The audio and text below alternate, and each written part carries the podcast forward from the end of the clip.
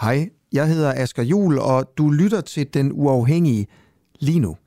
Du skal bare lige huske, at vi sender live hver morgen fra 7 til 9 på vores app. Og på appen kan du også finde nogle af vores andre programmer, der kun er for medlemmer. For eksempel podcasten Spionchefens Hemmelighed, hvor jeg prøver at finde ud af, hvorfor spionchef Lars Finsen er sigtet for at lægge statshemmeligheder. Hvad mener politiet, han har lægget? Hvorfor ordnede man egentlig ikke sådan det her i hemmelighed bag gardinerne? Hvilken rolle spillede Mette Frederiksen egentlig, og hvem er Lars Finsen? Nå, ikke mere om alt det. Du kan høre det i podcasten. Download vores app og bliv medlem, hvis du vil høre for eksempel det her program. Ja, og så slipper du i øvrigt også for den her irriterende besked i din daglige nyhedspodcast. Mm.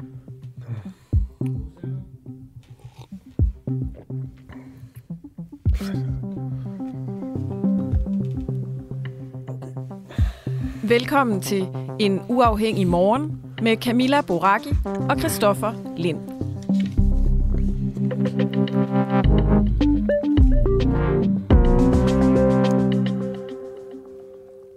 Ja, godmorgen. I, øh, I dag der stiller vi spørgsmålet, hvorvidt Danmark har støttet våbensalg til Rusland. Ja, det lyder vel, Camilla? Det lyder øh, umiddelbart rigtig skidt.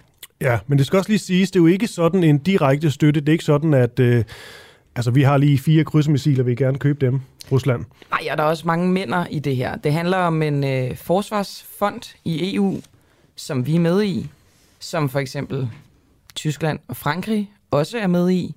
Og Tyskland og Frankrig har altså leveret våben til, øh, til, til, øh, til Rusland, undskyld.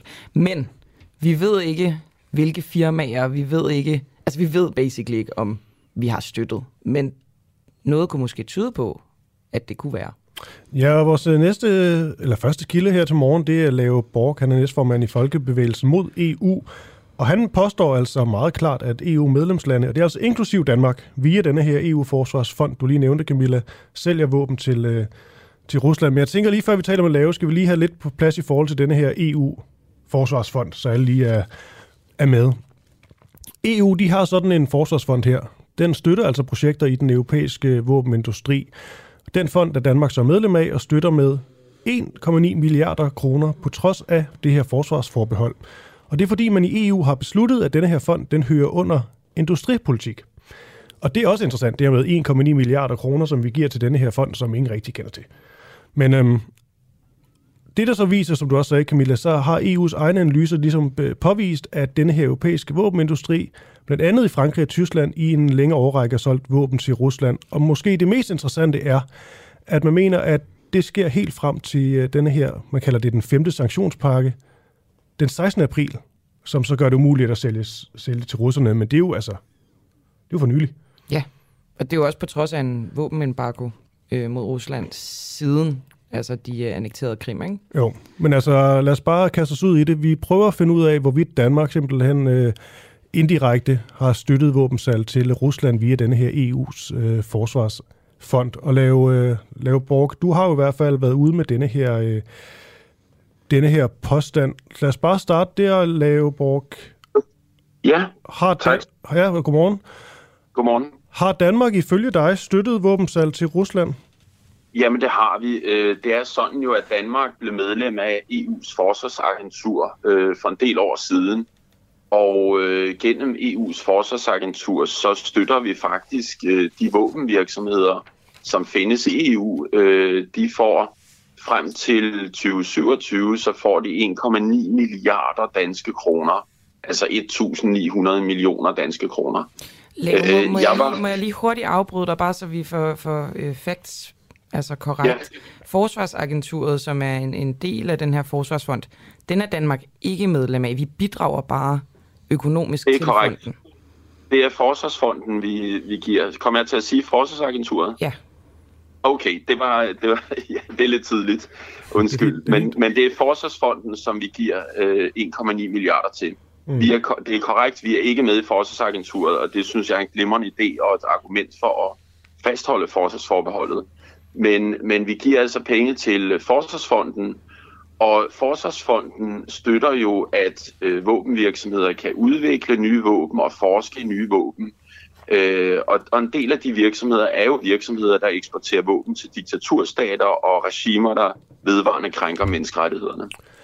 Men vil du sådan med nogle øh, håndgribelige, konkrete eksempler ligesom kunne øh, bevise, at de penge, der kommer fra Forsvarsfonden, rent faktisk ender i denne her våbenproduktion, hvor de så ender i Rusland i sidste ende?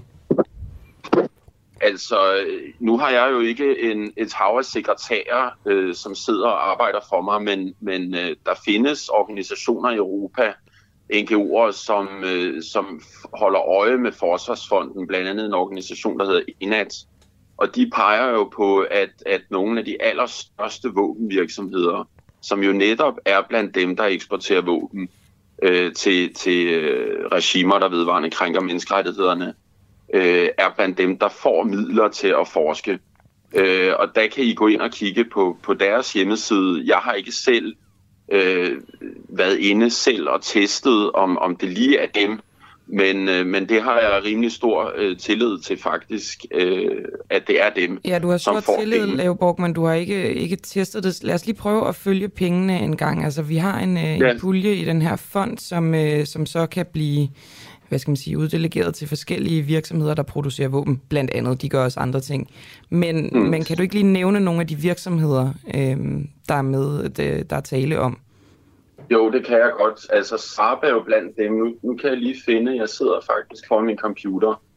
Øh, så vil jeg lige finde her, fordi øh, jeg sad og læste lidt på det i går. Øh, der er jo nogle af de allerstørste, øh, hvad hedder det, øh, nu skal vi se, Leonardo, Airbus, BAE Systems, Indra, MBDA og Saab er blandt øh, dem, der har fået øh, penge. Aerospace Defense Industries Association of Europe øh, er lobbyorganisationer, der er lobbyet for, for at få penge ikke? og for at skabe det her system. Men det er de store, øh, hvad skal man sige, rustningsvirksomheder eller våbenvirksomheder i Europa, som, som både er med i at påvirke EU-systemet til at oprette de her, den her fond, og også hele den model, hvor skattekroner faktisk sendes øh, til, til virksomhederne. Og vi taler jo om 60 milliarder danske kroner, som EU nu overfører gennem EU's forsvarsfond til de her, de her våbenvirksomheder. Før øh, krigen den brød, brød ud, så du så noget øh, problematisk i denne her forsvarsfond og det her med, med våbensalg til, øh, til Rusland egentlig? Ja, det gjorde jeg. Altså, jeg har jo allerede i 2019, øh, hvad hedder det, råbt vagt i gevær, hvis man skal bruge sådan et udtryk. Øh, fordi øh, Lars Løkke Rasmussen, da han var statsminister, så sagde han, at vi må, det er de muliges kunst, øh, og hvor vi må se, hvordan Danmark kan komme med i Forsvarsfonden. Øh, og der sagde jeg, at, øh, at jeg mente, at det var en, en krænkelse af vores, vores forsvarsforbehold. Fordi øh, hvis man kigger generelt på det, nu, nu påstår de jo så, at det er industripolitik og, og forskningspolitik, men det er jo en politisk beslutning. Læser man EU's øh, strategiske kompas for eksempel, så vil man tydeligt se, at Forsvarsfonden er en del af, af det, der er EU's militære projekt. Øh, og jeg synes, altså hvis man går sådan historisk tilbage, så er der mange af os, der har, har ment, at EU brugte for mange skattekroner på landbruget. Øh, men det, der sker nu, det er faktisk, at vi subventionerer nogle virksomheder, der for det første er har rigtig mange penge, øh, som på ingen måde har brug for at få øh, skattekroner, og for det andet, så er det en umoralsk våbenhandel. For eksempel er det også virksomheder, der sælger våben til Saudi-Arabien, der fører en krig i Yemen. Mm. Og før Ukraine-krigen startede, så var jo Yemen-konflikten den allerstørste humanitære katastrofe, med, hvor der både er voldtægt og tortur og drab af civile. Øh, og der har den franske præsident Macron, han har jo været helt åben, også efter drabet på Jamal Khashoggi øh, i, i Saudi-Arabiens øh, konsulat i Istanbul. Da, da sagde øh, Macron, øh, at, at han mente, at det var populistisk at, at gå ind for at boykotte, øh, altså stoppe våbensalg til Saudi-Arabien på baggrund af det her drab. Øh, jeg er dybt uenig med Macron og mener, at, at den måde, som Frankrigs præsident opfører sig på, øh, hvor, han, hvor han nærmest er i seng med våbenindustrien, er, er yderst tragisk og faktisk med til at, at skade den, den globale verdensorden. Men Leoborg, kunne man så ikke sige det sådan, fordi nu er det jo sådan, at Danmark bidrager økonomisk, men vi har sådan set ikke nogen øh, indflydelse på, hvordan pengene bliver allokeret, fordi vi netop ikke er med i, i forsvarsagenturet. Kunne man ikke også tage den omvendte, det omvendte argument, at hvis vi gik hele vejen, så kunne vi så have indflydelse på, at jo. der for eksempel ikke blev, øh, blev solgt våben til Rusland og Saudi-Arabien? kunne man godt, men så er, spørgsmålet, om vi virkelig tror på, at det ville ske. Altså, jeg har, jeg har ofte tænkt sådan, det ville være så fantastisk at forestille sig, at Danmark og Malta og Irland sad og stoppede Frankrig og Tyskland i, i nogle af de ting, de gør. Den, den tyske regering for eksempel, hvis man skal tage et andet eksempel, de påstår, at de har verdens øh, højeste standarder angående våbensalg. Men, men Tyskland har også solgt våben for eksempel til den koalition, som fører krig i Yemen. Øh, og, og det er blevet afsløret af Deutsche Welle, det tyske medie, at det både er til i luften, på land og til vands. Men det øh, kunne vi vel netop ja. få lov til at påvirke, altså politik, ja, det, det, jeg... det handler vel ikke om at give op, det handler vel om idealer. Ja, men det gør det nemlig, og jeg giver ikke op. Det jeg mener er, at vi skal stoppe, altså før, det, for mig er det helt absurd at tænke sig, at vi bliver ved med at give penge til de her våbenvirksomheder, og så går vi ind for at påvirke. Så må man jo starte med at sige, der skal være et stop for det her. Hvis vi skal gå med i det her, så er vi nødt til at gøre det på en rigtig måde. Så er vi nødt til faktisk at leve op til idealerne først. Det burde være et krav fra Danmark, øh, og det burde være et krav allerede nu, at man faktisk, vi er med i Forsvarsfonden. Vi kunne godt, hvis man mener, at vi sidder med ved bordet i Forsvarsfonden, så burde vi faktisk slå i bordet der og sige, nu må det her stoppe. Hvorfor har vi ikke gjort det allerede? Hvorfor har Mette Frederiksen faktisk ikke konfronteret Macron? Hvorfor har hun ikke konfronteret Scholz og tyskerne i, i deres sag? Øh, jeg synes faktisk, at, at der er ikke de tegn på det, som du siger. Jeg har også selv for mange år siden blevet inviteret ned til EU-kommissionen øh, til et møde, øh, hvor, hvor der blev snakket om, at nu skulle vi eksportere våben til Kina. Og, og jeg var faktisk den nærmest eneste repræsentant, Folkebevægelsen mod EU var med. Det var mig, der repræsenterede dem. Og så var der så fra de politiske partier i Danmark. Og, og der, var jeg, der slog jeg også i bordet og sagde, hvorfor skal vi sælge våben til kineserne? Og selv Anders Fogh Rasmussen øh, gik faktisk ind for at sælge våben til Kina på trods af deres enorme brud på menneskerettighederne. Så det jeg ser er faktisk en enormt kortsigtet strategi, som for mange, øh, hvad skal man sige, EU-regeringer går ud på at tjene penge. Og den franske regering er helt ærlig om det. Men, men jeg har ikke set nogen tegn på, at, at Danmark faktisk har sagt, at man vil kræve, at Frankrig stopper med det her. Okay. Øh, men jeg kunne da godt tænke mig en garanti. Nu har jo mm. vores udenrigsminister og andre været ude med garantier. Kan de ikke komme med en garanti, at Danmark stoppe med at sende skattekroner til våbenvirksomheder, der, der sælger våben til regimer, der vedvarende krænker menneskerettighederne? Vi, øh, vi har i hvert fald tænkt os at følge op på, på denne her, finde ud af, hvad der er op og ned i denne her sag. Jeg skal bare lige høre en sidste ting, Lave Borg. Det er i forhold til med, at øh, altså nu har man ligesom endelig fået umuliggjort våbensalg salg til russerne, men så vidt jeg kan læse mig frem til, så sker det først den 16. april. Mm. Betyder, ja. betyder det så, øhm, at der potentielt set kan have været solgt våben til russerne under krigen? Det, det lyder bare helt vildt i mine ører. Ja, men det lyder også vildt i mine ører. Det er, det er helt absurd, øh, og, og det, Altså, men, men, ved, men ved vi det, eller er det trods alt noget gætværk? Altså, hvorvidt der er blevet solgt ja. våben? Ja. Vi kommer viden om det, men jeg ved jo, at både Frankrig og Østrig har, har givet våbentilladelser så sent som i 2020. Øh, og, og det kræver jo også noget øh, hvad hedder det, undersøgelsesarbejde for at finde ud af, hvad er der egentlig sket. Men vi ved en ting med helt sikkerhed, og det er efter, at russerne har taget krig, så bliver altså lande ved med at sælge, EU-landet med med at sælge våben til russerne og Frankrig har solgt våben for over 1,1 milliard danske kroner, og der snakker vi altså både om bomber og raketter og torpedoer, som franskmænd har solgt til russerne, efter at russerne har taget krig. Vi ved også, at tyskerne har solgt våben for 900 millioner danske kroner til, til, altså til russerne, efter at de har taget krig. Så, så den reaktion, øh, og, og der kan man jo også mene det, at, at hvis EU-landene faktisk i 2014 havde sagt, nu stopper det. Og jeg, jeg kan jo fortælle allerede dengang... Sidste, og nu er det ikke kommentar lave. Bagklog. Jamen, jeg mødtes også med både Ukraines ambassadør, og jeg skrev til Ruslands ambassade dengang, og jeg opfordrede i 2014 til, at man skulle stoppe med al våbenhandel øh, til russerne. Og, og, og det er faktisk helt absurd, at, at de politikere, der påstår, at de arbejder for et bedre Europa, øh, støtter, en, en, øh, støtter en sådan våbeneksport og faktisk er med til at skabe usikkerhed i Europa. Okay, net, Så, øh, ja. ja. Det var, fordi vi skal til at videre i, videre i teksten, yes. lave der er stram, stram program, men øh, altså, ja, så, så mit ønske det er jo, at Danmark skal udtræde af EU's forsvarsfond, og jeg vil mene, efter et nej den 1. juni, så bør vi faktisk stille som et krav, at Danmark øh, skal udtræde af forsvarsfonden.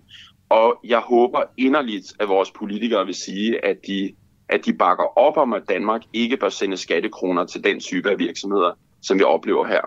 næstformand i Folkebevægelsen mod EU, Lave Borg, tak fordi du var med her til morgen, og god dag til dig. Jeg er faktisk ikke næstformand, men jeg er ledelsesmedlem, men tusind tak. Ah. Næstformand lyder bedre, synes jeg. ja, øhm, tak skal du have. Men, men det er men, nok. men jeg er ledelsesmedlem. Tak for det. Ha' det godt. Hej. Tak. Ha' det godt. Hej. Han bliver altid klogere. men det er, en- altså, det er en spændende historie, det var, Camilla.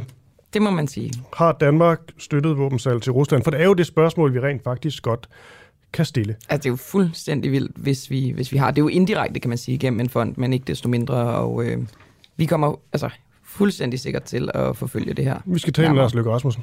Ja, vi prøver. Vi prøvede allerede i går. Ja, men, Nå, øhm, Det er vi, fordi, det er under hans regering, at vi ligesom er indtrådt i den her fond. ja. Nå, nu skal vi til Færøerne og, og Grønland.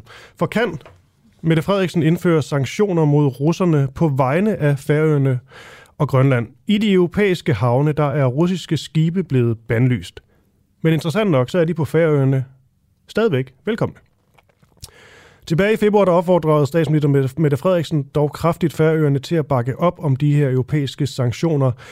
Men Færøerne, de har endnu ikke fulgt det her europæiske eksempel. Så i tirsdags, der øh, ringede vores kollega Klar Vind til Klaksvig Havn på Færøerne for at høre, om russerne er velkomne i deres havn.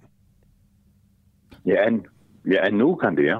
Okay, er der nogle russiske skibe nu i havnen? Ja, Og det, og det, To- hvad er det for to nogle? stykker. Der er to stykker, der er i jeres havn lige nu. der er to stykker travler, der, der øh, hvad hedder det, der, øh, eksporterer fisk ind i vores frysehus.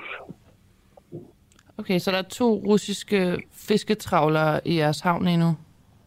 Ja. Og, vi har, vi har, ikke, vi har ikke fået for, for nogen besked om at, at, at stoppe noget russere endnu, men øh, det er hos landstyret i øjeblikket, så om det kommer med noget, det ved vi ikke. Har der været snak om øh, på havnen blandt medarbejderne, øh, hvad, hvad sådan stemningen er i forhold til, at der kommer russiske skibe ind? Nej, det er det ikke. Det, det er noget, som, som landstyret må, må, må stå til ansvar for, om de stopper eller ikke. ikke? Så det er ikke noget, der, der... Det er ikke noget, som vi bestemmer. Okay. Hvad synes du egentlig? Burde man forbyde, at de kom ind i havnen?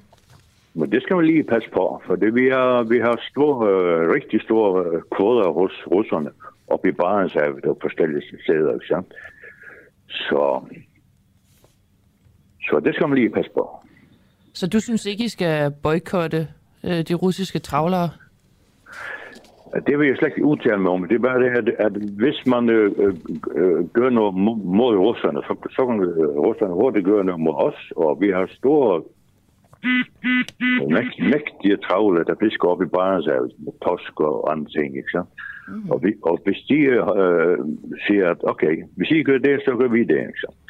Ja, så ligger en, en hel flåde af travlere. Så det kommer til at ramme meget, meget, meget hårdt og, og, og alt samarbejde med, med russerne, for de, de lægger mange penge efter sig på ferien. Vi snakker om 200-300 millioner. Og den kunne man ikke få, få nogle andre steder? Hvorhen? Det, det, det er bare mig, der spørger dig, om der er der andre lande, I det vil kan, kunne... man, det kan man ikke. Det kan man ikke, fordi de, de ejer jo bare sig op i den russiske zone. Og øh, landstyret har sagt, at de vil gerne vente med at se, hvad Norge gør. Ikke? De er heller ikke boykottet russerne. Vores kollega Clara Vind, hun ringede også til direktøren for Nuuk Havn for at spørge ham, om øh, russerne må lægge til i, i deres havn. Jamen altså, vi følger, vi, følger, øh, vi følger den lovgivning, der nu er, og de sanktioner, der er. Og øh, indtil videre er jeg kun bekendt med, at, øh, Grønlands Selvstyre har nu øh, behandlet en... Øh, jamen, jeg ved faktisk ikke engang, hvordan, hvor langt det er nået. Men når der kommer sanktioner, så stopper det. Så, så, så kan der ikke ligge øh, russiske skibe i. Så lige nu, i der må der godt ligge russiske skibe i havnen. Ja, ja, i teorien. Men jeg tror, du skal rette spørgsmålet et andet sted hen. Du skal rette det til det, det der hedder den centrale havnemyndighed. Okay, men ved Og du, om der er... Øh, altså, du siger jo, at der, der kommer på et tidspunkt nogle sanktioner, Jeg tror, der er, jeg tror, der er sanktioner undervejs. men lige nu må der vel så godt ligge øh, russiske skibe i havnen. Jamen, vi holder, vi holder meget øje på, på om, om der er optræk til det. Altså Og vi har optræk til hvad? videre ikke... Jamen, om der er nogle russiske skibe for Vi har endnu ikke... Øh, vi har ikke... Øh, altså, vi holder øje med alt, hvad der booker sig. Okay, men der må vel godt ligge russiske skibe nu, så?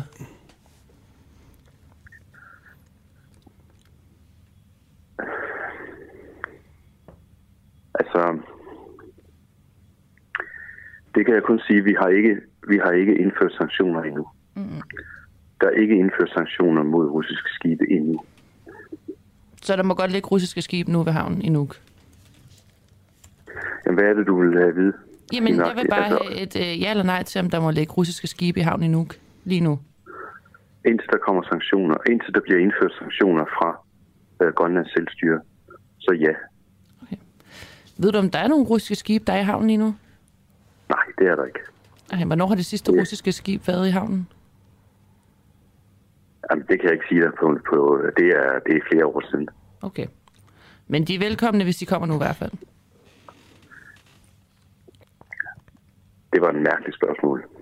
Altså det, jeg egentlig spørger mig bare igen. Altså der må godt være russiske skibe i havnen i Nuuk lige nu. Der er ikke indført sanktioner mod russiske skibe for nuværende i grønlandske havne. Nogle gange, Camilla, der er denne her lange, lange pause. Altså, den kan sige meget mere end, øh, end ord, ikke? Ja, ja virkelig. Øhm, To meget, meget dejlige interviews her, synes jeg. Ja, helt sikkert. Altså, øh, og især det, at han reagerer jo kraftigt på formuleringen, om de russiske skibe er velkomne i ja. de grønlandske havne. Det er fordi, det lyder jo ikke lyder særlig ikke- godt, men det er de jo de facto, til trods for, at der ikke har været nogen længe, og det er der heller ikke lige nu. På Færøerne er der jo så.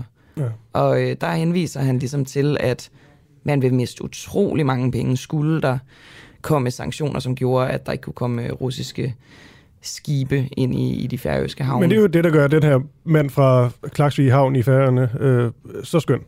Fordi man kan også bare høre, at han er bare et reelt menneske, der bare synes, at det er også lidt træls med de her 200-300 millioner, man, man Jamen, mister. ja, lige præcis. Og det er jo, men det er jo sådan, det er. Altså, det koster noget at, at sanktionere, ikke også? Ja, men altså, ja, der må, de må stadig ligge øh, lige så ind til Nuuk og lægge sig der.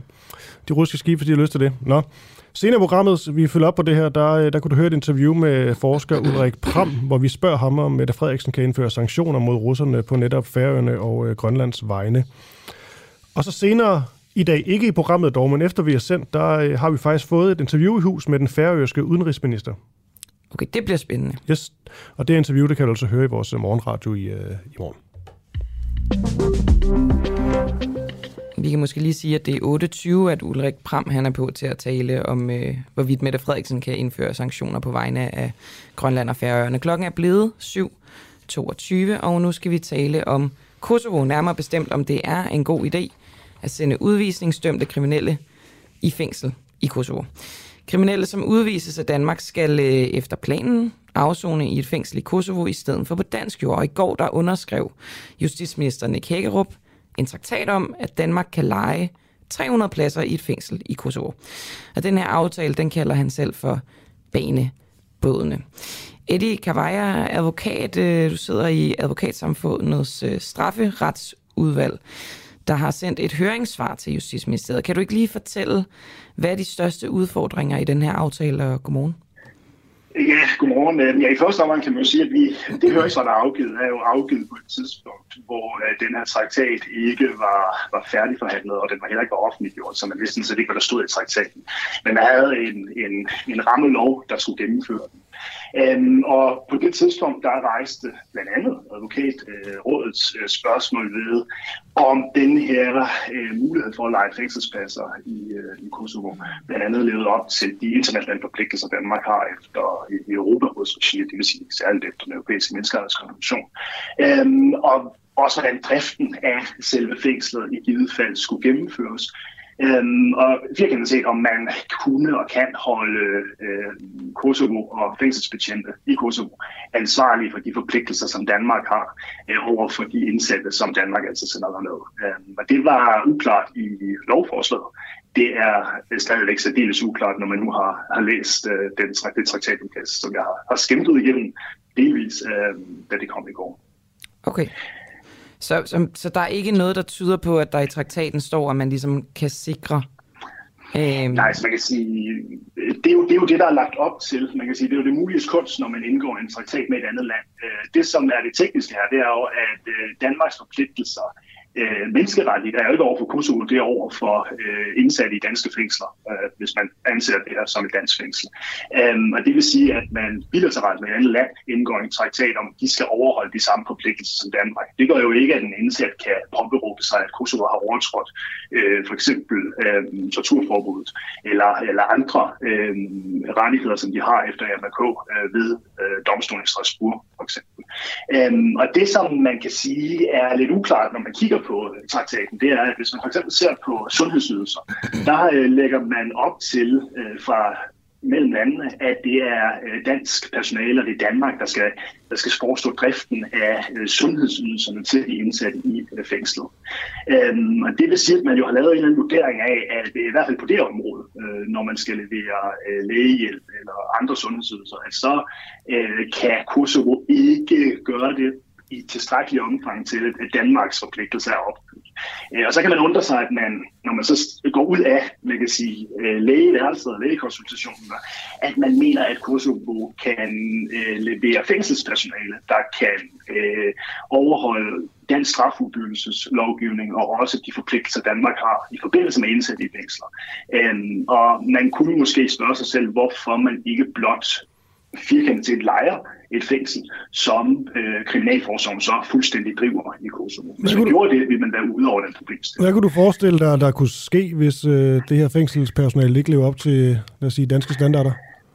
Jamen altså, der, når man kigger på traktaten nu, er der jo lagt op til, at der er en eller anden form for supervision fra, fra den side på det, øh, at, at der i hvert fald skal være adgang til det. Men, men, men samtidig så fremgår det jo af, af traktaten, at, at danske regler og strafudbyrdelsesregler finder fuldstændig anvendelse på øh, den, den daglige afsoning. Det vil sige, at du skal have en fængselsbetjent, som er uddannet i Kosovo, som har øh, ansættelse, har ansættelse tidligere ansøger i kosovorianske fængsler, øh, og som jo ikke har øh, umiddelbart nogen øh, indsigt eller forståelse i en dansk afsoningstradition og hvordan dansk fængselspersonale agerer der. Øh, der er så også den pointe, at meget bekendt så bærer øh, betjente, altså fængselsbetjente i fængsel i Kosovo normalt våben. Så det vil sige, og det gør de ikke i den danske afdeling eller det danske fængsel, fordi det er jo dansk strafforbyggelse, hvor øh, betjente ikke har de, øh, de hvad det, beføjelser. Men det tyder jo også på, at hele spørgsmålet om, hvad er det for, hvad er det for en, en, en fængselskultur, man har, øh, når man er, øh, er ansat i et Kosovo, et fængsel i Kosovo frem for i dansk fængsel. Øh, kan det overføres en til en, og kan man, kan man simpelthen få øh, betjente til at, at, at forstå og, og, og lægge det fra sig, som de måske har er uddannet til i, i, i deres nationale sammenhæng, når de så skal træde ind øh, af porten om mandag til, øh, til at, at tage vare på borgere som danske betjente. Hvad der kan ske, er jo svært for mig at, at spå om. Altså, men, ja, for har, givet, altså, har, være... har de, øh, undskyld, jeg afbryder, har, har de ja, øh, betjente for, for Kosovo?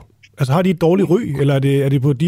Altså, det, er jo, det er jo helt, det, det kan jeg slet ikke sige noget om, øh, fordi det ved vi faktisk ikke. Man kan sige, at det som jo øh, der er lagt op til, når man kigger på traktaten, er det også lidt uklart, hvad er det for en uddannelse, de skal gennemgå, før at man, øh, man altså vil mene, at de nu har en forståelse for, hvad der står i den danske strafudbyggelseslov, og hvordan man håndterer øh, danske indsatte nu særligt siger danske indsatser, fordi de jo, de jo kommer fra, øh, fra danske fængsler, hvordan man håndterer dem.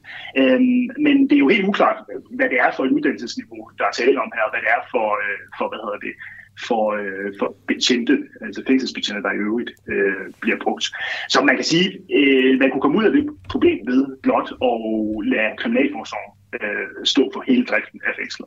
Øh, og så øh, vil man formentlig også være ude over det problem, at Kosovo jo ikke er et Europarådsland og ikke har tiltrådt blandt andet den europæiske menneskerettighedskonvention, fordi så er det dansk jurisdiktion, der finder anvendelse. Lige nu er man i et limbo, når man kigger på, på den her traktat, øh, på hvornår finder dansk, øh, hvornår er der dansk jurisdiktion i sådan en omfang, at Danmark øh, kan holde ansvarlig direkte for øh, de øh, betjentes handlinger, der er i fængsler, og hvor den, hvor den enkelte kan gøre det. Men til trods, indsat ja, til trods for, at øh, Kosovo ikke er medlem af FN og EU, og ikke er med i, i de konventioner, der, der hører med der, så har de vel nogle egne regler, der gælder. Altså, hvad, hvad siger de i forhold til... Øh, Øh, Det er- er ikke noget, som øh, jo er fremlagt hverken i traktaten eller i, øh, i det lovforslag, der blev fremlagt. Så de er jo ikke belyst som sådan.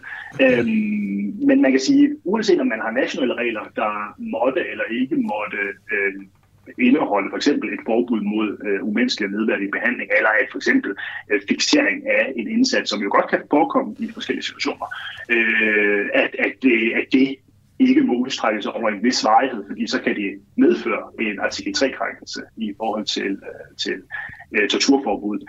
øh, så er der jo den, den store ulempe ved det her, eller den store knast ved det her, at en indsat ikke kan holde øh, Kosovo ansvarlig ved et internationalt organ, fordi at de ikke har tiltrådt noget, nogle af de, øh, de konventioner, som gælder der. Øh, og der kan man måske trække parallellen til, da Norge lejede fængsler i, øh, i Holland på et tidspunkt. Øh, der var man helt ude over det problem, fordi man valgte at lege fængsel i et Europarådsland. Og det vil sige, at uanset hvem man så måtte sige, der var ansvarlig i sidste ende, så var der øh, et ansvar, der kunne gøres gældende enten mod nordmændene øh, eller mod hollænderne ved øh, en uafhængig international domstol, som vi for eksempel har i Strasbourg. Og det er altså ikke tilfældet her, um, hvilket giver øh, også advokatrådet en masse betænkeligheder af sådan mere retssikkerhedsmæssig karakter. tak for det, Eddie øh, Kavaja, advokat, som sidder i Advokatsamfundets strafferetsudvalg. Tak fordi du var med. Velkommen. Velkommen. Og nogle af de her øh, ting, som øh, Eddie han anfægter her, dem, øh, dem fremlægger vi simpelthen for øh, Bjørn Brandenborg, som er retsordfører for Socialdemokratiet. Det gør vi klokken 10 minutter over øh, 8. Det glæder jeg mig til. Øhm, Bjørn Brandenborg. Bjørn Brandenborg, ja. Det er altid en, øh, en fornøjelse. Nu skal vi tale om gas. Russisk gas, nærmere bestemt. Spørgsmålet er, om Danmark skal frygte, at Putin han lige pludselig lukker for gassen, øh, fordi Rusland bekræftede i går, at de har lukket for gassen til Bulgarien og til Polen. Men der er lidt uenighed om, om det er noget, vi skal frygte i Danmark, det her. Det var da noget med, at var det, var det en 17 procent stigning? I priserne er de er vist øh, oppe over øh, 20 allerede. Ja, og det var noget med, at det primært var baseret på, altså simpelthen frygt fra andre europæiske lande, fordi så går der jo øh, lidt panik i den, for hvad nu hvis det, det samme sker hos os. Og på den anden side, jeg forstår bare, det er sikkert det, vi skal spørge om nu, men jeg forstår bare ikke helt, hvordan russerne de kan altså gøre det her. Har de ikke brug for pengene? Jo, spørgsmålet er, om det er så dyrt for dem. I hvert fald at lukke i de her to lande, og om øh, det er lige præcis er det, de vil, altså sende et øh, signal mere end, øh, end så meget andet. Henrik, Hans Henrik Lindbo, du er civilingeniør og energianalytiker i EA Energianalyse. Skal vi frygte, at der lukkes for, øh, for gassen til Danmark? Godmorgen. Godmorgen. Øh, jamen altså, øh, Putin kan jo ikke lukke for gassen til Danmark. Han kan lukke for de, de store gasledninger, der, der, der tilflyder gas fra Rusland til Europa. Mm. Og dermed kan det blive også for gasmangel i Danmark, fordi vi er en del af det europæiske net. Danmark er jo selv, øh, øh, allerede fra næste år, er vi jo nettoeksportør af gas. Men fordi vi er en del af, af, af det samlede Europa, så vil en, øh, en øh, nedlukning af gas til Europa også påvirke Danmark, og det kan også betyde, at virksomheder øh, i Danmark skal, skal lukke produktionen, fordi der simpelthen ikke er gas nok. Vi, er jo en del, vi, vi har jo sådan en fælles øh, øh, måde at håndtere den slags kriser på i Europa. Så når vi taler øhm, Bulgarien og Polen, Ja, altså jeg ved, at øh, Bulgarien er, det er sådan noget 90 procent af deres øh, Jeg kan ikke huske, om det var gasforbrug eller energiforbrug, der er dækket. Gasforbrug, gasforbrug, men det er meget lidt gas. De bruger altså ikke særlig meget gas i, i Bulgarien, men det er okay. nok 90 procent af den gas kommer fra Rusland. Øh, og så Polen, altså de er jo så også med i EU, så hvor stor en indflydelse vil det her have, når vi nu er en, en samlet enhed på den måde?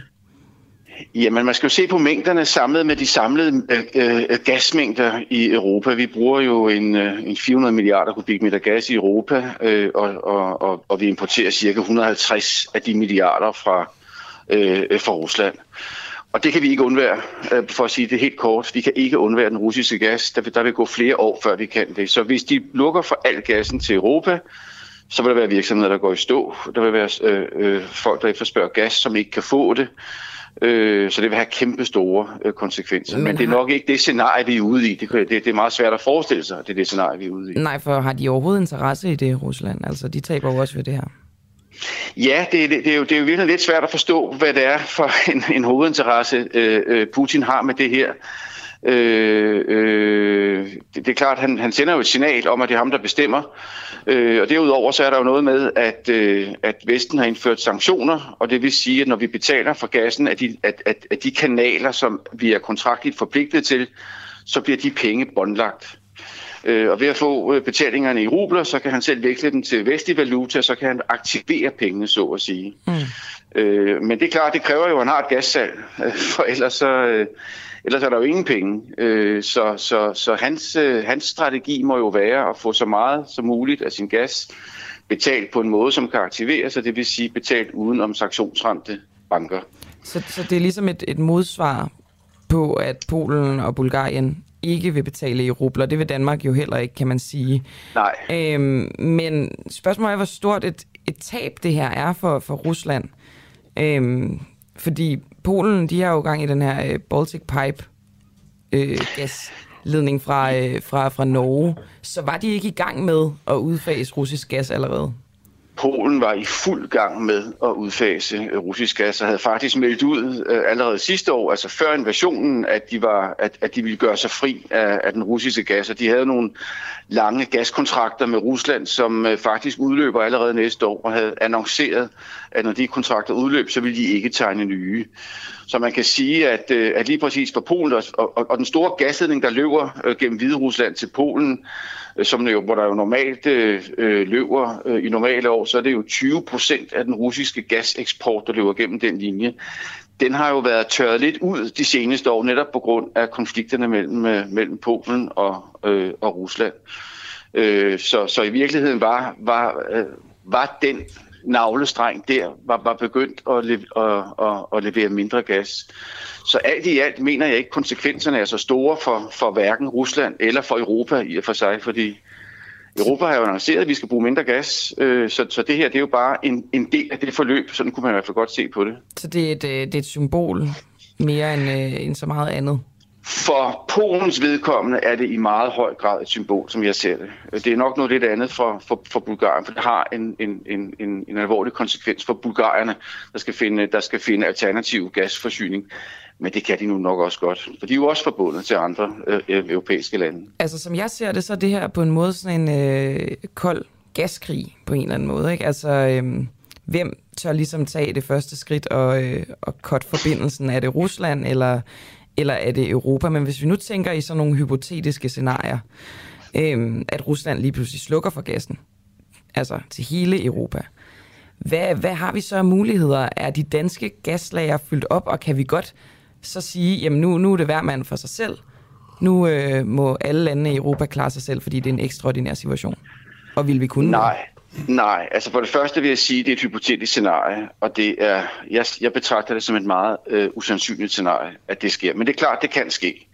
Øh, og hvis det sker, så bliver det meget alvorligt. Øh, Europa skal, øh, kan godt klare sig igennem øh, øh, sommeren, hvor der traditionelt er meget mindre gasforbrug for at varme vores huse op, men faktisk også for at producere elektricitet, der vi også bruger en del af gassen til. Så er det kun industrien, der for alvor har et gasforbrug.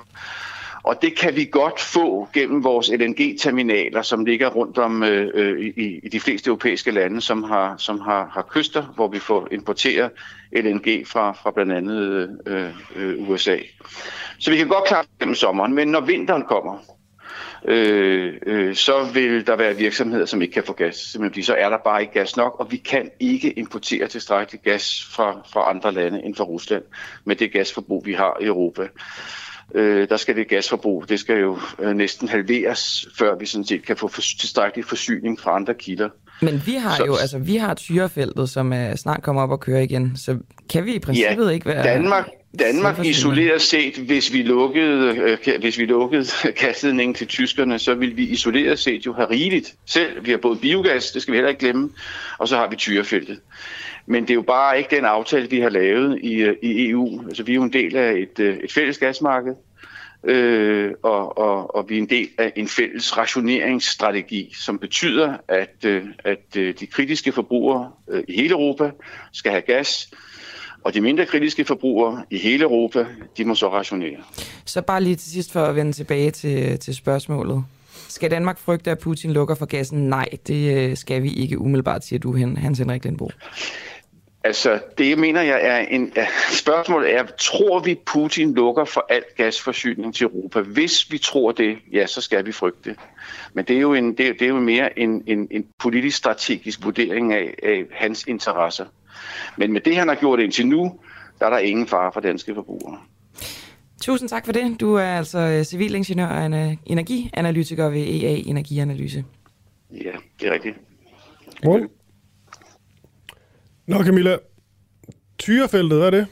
Jamen det er jo sådan et, øh, et dansk gasfelt. Ja. Kendte du ikke til det? Åh, oh, aldrig hørt om det Ja, men prøv at det er også fordi, at det Nogle har været... Sidder, sidder jeg også bare lidt uh, i sådan et interview her, så føler jeg mig lidt som, du ved, en eller anden skoleelev, som bare sidder og nikker til en lærer. Ja. Ej, jeg forstod det meste. Ja, men jeg så hører ordet det... tyrefældet, jeg overvejede faktisk bryde men jeg tænkte, det virker også næsten for uhøfligt, fordi det virker til, at alle forstod det. Jamen, det, øhm, det, det er et ja. dansk øh, felt, men det har været under renovation i ja. nogle år. Det er måske derfor, du ikke kender til det. Det er ikke op at køre endnu, men øh, når det kommer, så kan vi altså øh, eksportere gas. Men det er en sjov snak, det her, også i forhold til det, denne her aftale, der blev begået med, eller er begået med, med Gazprom, vi ikke kan komme ud af til 2030, hvor Ørsted så har sagt, de vil faktisk gerne ud af den, siger de i hvert fald officielt. Men det kan de ikke, fordi det kræver noget politisk. Altså, de danske politikere kunne rent faktisk godt få det her til at ske, så vidt vi har forstået. Jo, jo. Jo, ja, ja, men så er det jo igen, at vi er, vi er jo afhængige af hinanden i EU, ikke? og så begynder det hele at blive lidt svært. Jo, jo, men jeg, synes, jeg kan bare godt lide tanken om, at Putin så bare gør det for os. Ja, altså. ja, ja jo, jo, jo. Det er, det er interessant. Ja. Hvad er det, skal nu? Det er David Tras, tror jeg nok. Ja, skal vi ikke lige først øh, være så venlige og give en, en lille teaser, fordi mm. på vores øh, app, du den føler, uafhængige app, du føler ikke det nok, jeg bare siger David Tras? jeg vil ikke tease for David Tras, jeg vil tease for noget helt andet. Okay. Øhm, inde på vores app, der har vi vores øh, helt egne programmer. For eksempel det, der hedder Oppositionen, med vært Rasmus Jarlov lige nu. Et program, der hedder Snyd og Bedrag og Spionchefens Hemmeligheder. Derudover så har vi også et stort udvalg af alle mulige andre podcasts, og øh, vi tilføjer hele tiden nyt indhold. Så øh, hent appen, bliv medlem af den uafhængige. Ja, det var egentlig bare det, jeg lige ville sige. Nu kan du få lov til at tale om David Truss. Yes, det elsker jeg. Faktisk mere konkret om Twitter og Elon Musk, vi jo ligesom nærmest alle andre medier har forfulgt. Han har, han har købt Twitter for øh, et lille greb i lommen på 305 milliarder kroner, og øhm, det har jo sat gang i det her spørgsmål. Skal Donald Trump nu tilbage på Twitter? Han blev jo simpelthen bandlyst fra Twitter, øh, og har ikke været tilbage øh, siden øh, øh stormløb på, mod kongressen. Så han er simpelthen væk fra Twitter, og det var jo hans, øh, hans yndlings øh, sociale medie, må ja, vi nok sige. det var det godt nok. Det var hans legeplads. Ja. Så i går der talte vi så med øh, fagforeningsformand øh, Stine, Stine Bosse om det her. Altså, skal Donald Trump tilbage på Twitter? Hvad synes hun? Hun fik et ja-nej-spørgsmål. Hun svarede langt. Hun svarede hverken eller. Ja, øhm, og det er også fordi, måske tænkte vi så bagefter, at det er jo også et, et stort spørgsmål, fordi der ligger jo flere ting i det. Det kan godt være, at du hader Donald Trump, ikke gider ham, øh, og gider alle hans øh, ytringer og hans følger osv., men samtidig skal han ikke også have lov til at komme med sine, sine holdninger, og der er jo, må man nok sige, mange millioner mennesker, som følger ham og lytter til ham, så er det egentlig ikke ret vildt, at han bare er blevet bandlyst fra et øh, så stort socialt medie. Det er jo den snak, der kommer nu. Ja, det er sådan ytringsfriheden versus potentielle fake news. Altså Ja, to så vi- krigere i hver sit ringhjørne. Ja, så simpelthen bare lige for at sige, at, at vi synes faktisk, at det her spørgsmål er ret så interessant. Altså om hvorvidt Donald Trump skal tilbage på Twitter nu, hvor Elon Musk, der er den store ytringsfrihedsforkæmper, øhm, formentlig gerne vil give ham lov. Ikke? Så tænkte vi, at David Trass, han var et godt bud. Fordi David Trass, han øh, et, hader Donald Trump. Det tror jeg er meget ærlig omkring. To, vel glad for ytringsfrihed. Det må man antage. Men spørgsmålet er, om Trump alligevel lige er det for meget. Så vi stiller sådan bare det spørgsmål til, øh, til David øh, Træs. Det, øh, det gjorde jeg i, i går, da jeg ringede til ham.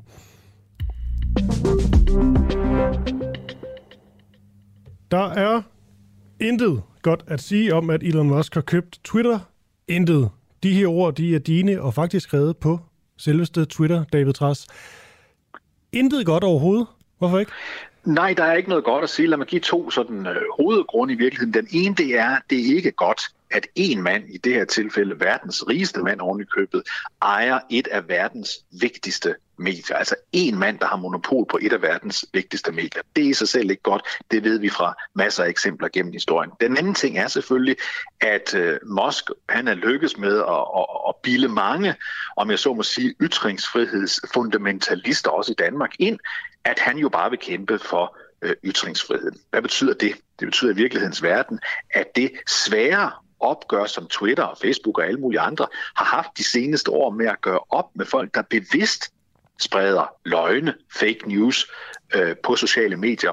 Altså at man har forsøgt at, imødegå det på en måde, ja det vil nu blive rullet tilbage. Det vil blive langt, langt nemmere øh, at sprede øh, øh, løgne og opfordre til vold. Og hvad ved jeg på det sociale medie, det er selvfølgelig Donald Trump, jeg tænker på i første række, men der er også mange andre, der vil få adgang til mediet igen. Okay. Du har næsten allerede svaret på det, men nu får du spørgsmål alligevel, David Trass. Skal Donald Trump tilbage på Twitter? Altså, hvis jeg sad i en redaktionskomité, så ville jeg bestemt i, hos, hos Twitter, så ville jeg bestemt ikke give Donald Trump fri adgang til at sprede sine løgne på mit netværk, hvis jeg havde sådan et. Hvorfor ikke?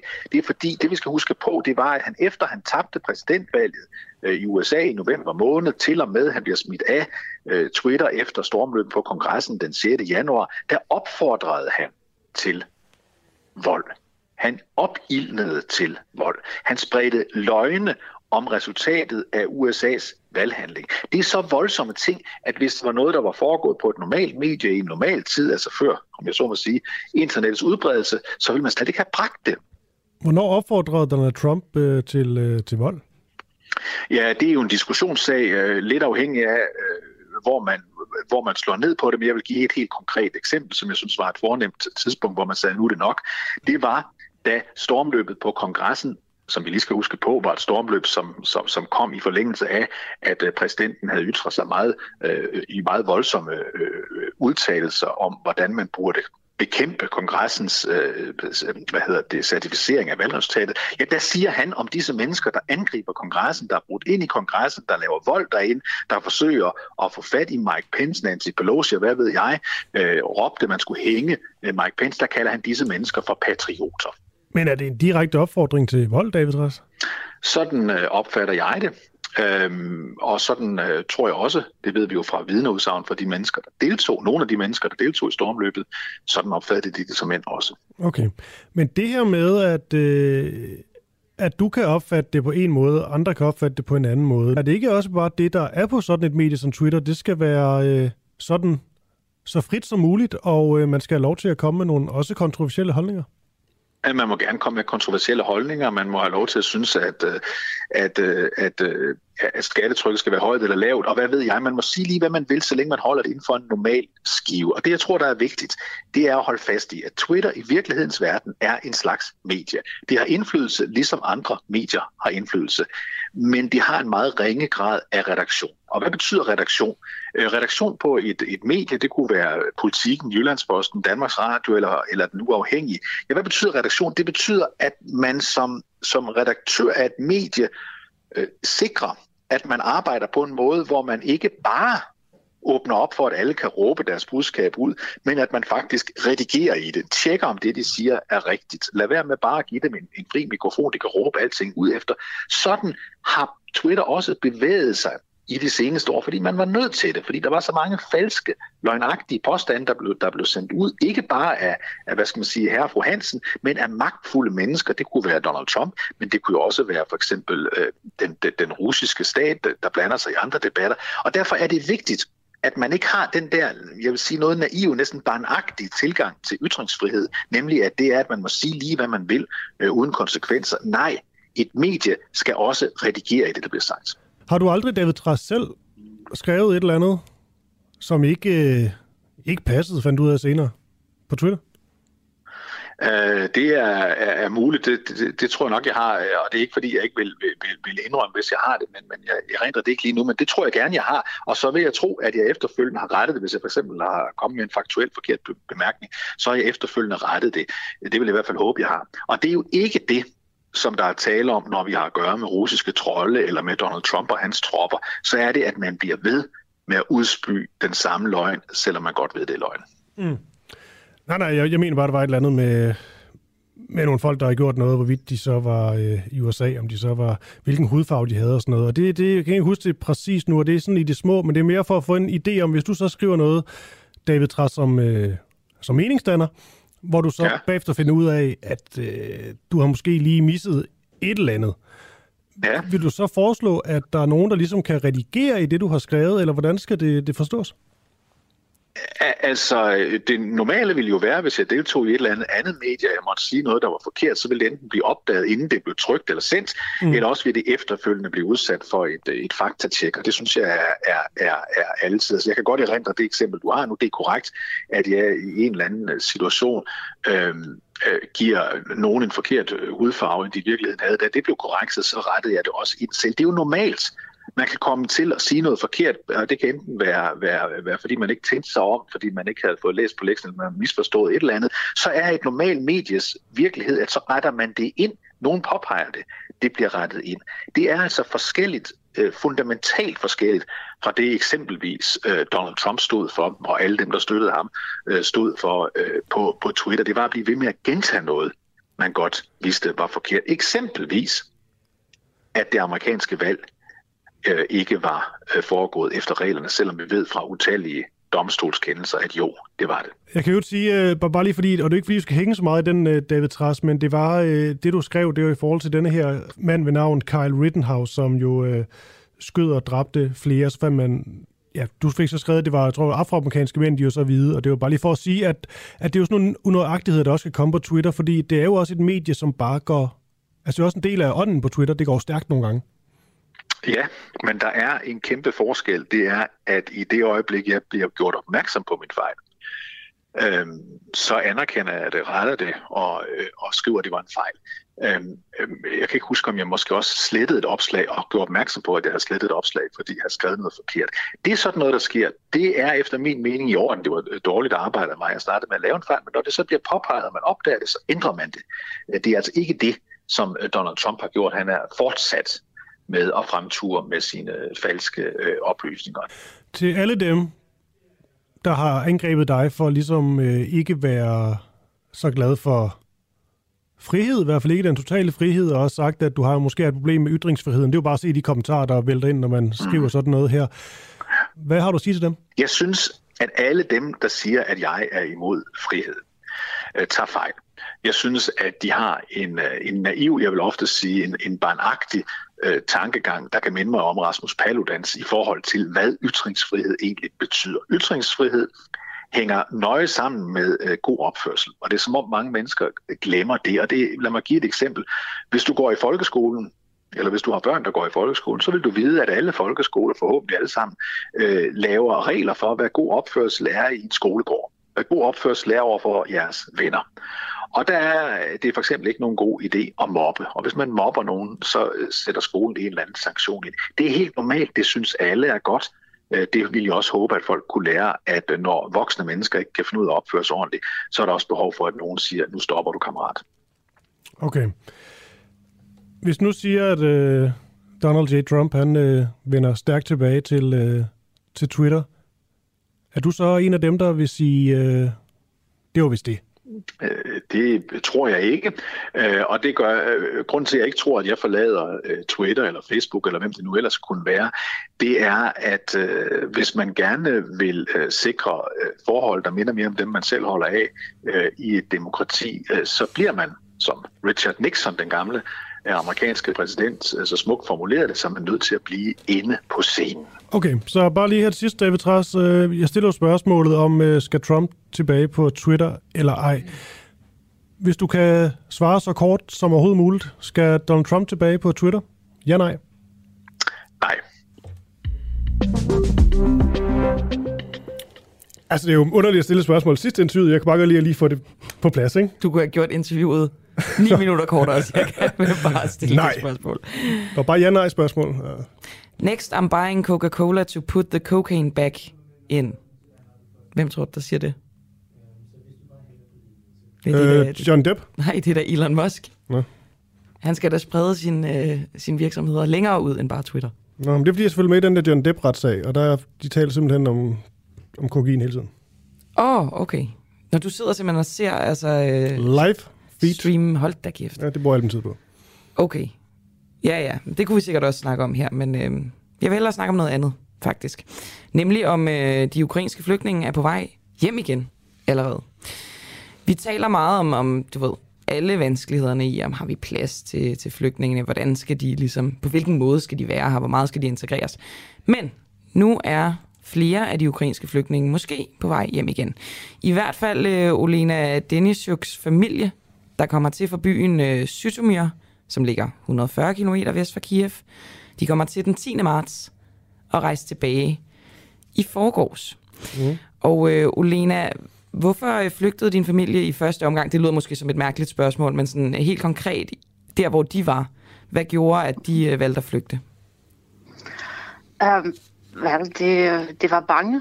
De, simpelthen, det var så bange til at blive i, i, i Ukraine, og det var farligt fordi bombene og raketter var faldet til i min by, som er faktisk lille by, som om de har ikke forventet, at det kommer til at ske, men det sker, skete. Og de hørte krig lyder. Jeg, var, jeg ringede til dem, og så spørger jeg, hører I krig lyder? Ja, det gjorde det. Så det var, det var frugt. Mm. Okay. Så altså, der er jo stadig krig i, øh, i ja. landet. Hvorfor tager de tilbage nu? Hvorfor tager de allerede tilbage nu? Ja. Um, det er um, lige meget, og hvor hårdt jeg har prøvet at overtale dem at ikke rejse tilbage. Men de vil så gerne tage hjem. Og det var ikke noget et spørgsmål. Øh, det var, de skal hjem. For det er Ukraine, deres hjem. De har, min søster har sin mand. Uh, min nevø har sin skole, som stille og roligt vender tilbage. Her i Danmark han har haft online undervisning faktisk. Okay. Uh, ja, min mor vil gerne til sin daglige liv, til at passe på sine planter det er bare simpelthen, det er ikke et spørgsmål, at øh, nu har vi nyt hjem her med alle de muligheder faktisk, Danmark har tilbudt og åbnet sig. Så det vil så gerne hjem. Så det er ikke fordi, de har haft det dårligt i Danmark, det er ligesom savnet til, øh, det, ja, til Ukraine? Ja, det, ja, simpelthen det savnet så meget. Og det var, øh, det var ikke ferie her for dem, som det er bare ventetid mm. for min familie i hvert fald. Hvordan har de øh, vurderet, at det er sikkert nok at tage tilbage mm. igen? Uh, de, øh, der er rigtig mange ukraine venner tilbage, og for dem det var også ligesom barometer til, nu det er måske tid til at komme tilbage. Um, men også at um, de har også vurderet, eller har forudset, at de hårde kampe kommer til at blive koncentreret i den basområde og den sydlige del af Ukraine, og mm. hvor vi bor, det er mere centralt. Men må jeg spørge, altså, ja. mm? beror det så på en, en officiel sikkerhedsvurdering? Er der nogle myndigheder, der har sagt, I kan roligt tage tilbage til de her områder, eller er det ligesom øh, en vurdering, de selv laver, måske på baggrund af nogen, de kender øh, i Ukraine? Jeg tager ja, både ja og nej. Der er nogle analytikere ser, at uh, nu stille roligt kan vende tilbage, og bedre faktisk befolkning at vende tilbage til det daglige liv, og det gør faktisk, og folk gør det. Men nogen vurderer også, at det er lidt for tidligt at vende tilbage. Med, øh, til, mm. um, men det er ikke officielt, men alligevel nogle uh, politikere og ja, analytikere vurderer, at det kan være, de, at kamper kommer til at være mere koncentreret i et område. Ja, det er jo det samme. De danske mm-hmm. analytikere, mm-hmm. de, de siger, at det vil ja. være nede omkring Donbass-regionen, ja. at kampene vil ja. foregå. Men krig er jo også uforudsigeligt, ja. så, så er de bevidste ja. om, at ja. de også ja. altså, sætter sig selv mere i fare ved at tage tilbage, end hvis de var blevet. Ja, det er muligvis, og det kunne være, det, intet er sikkert.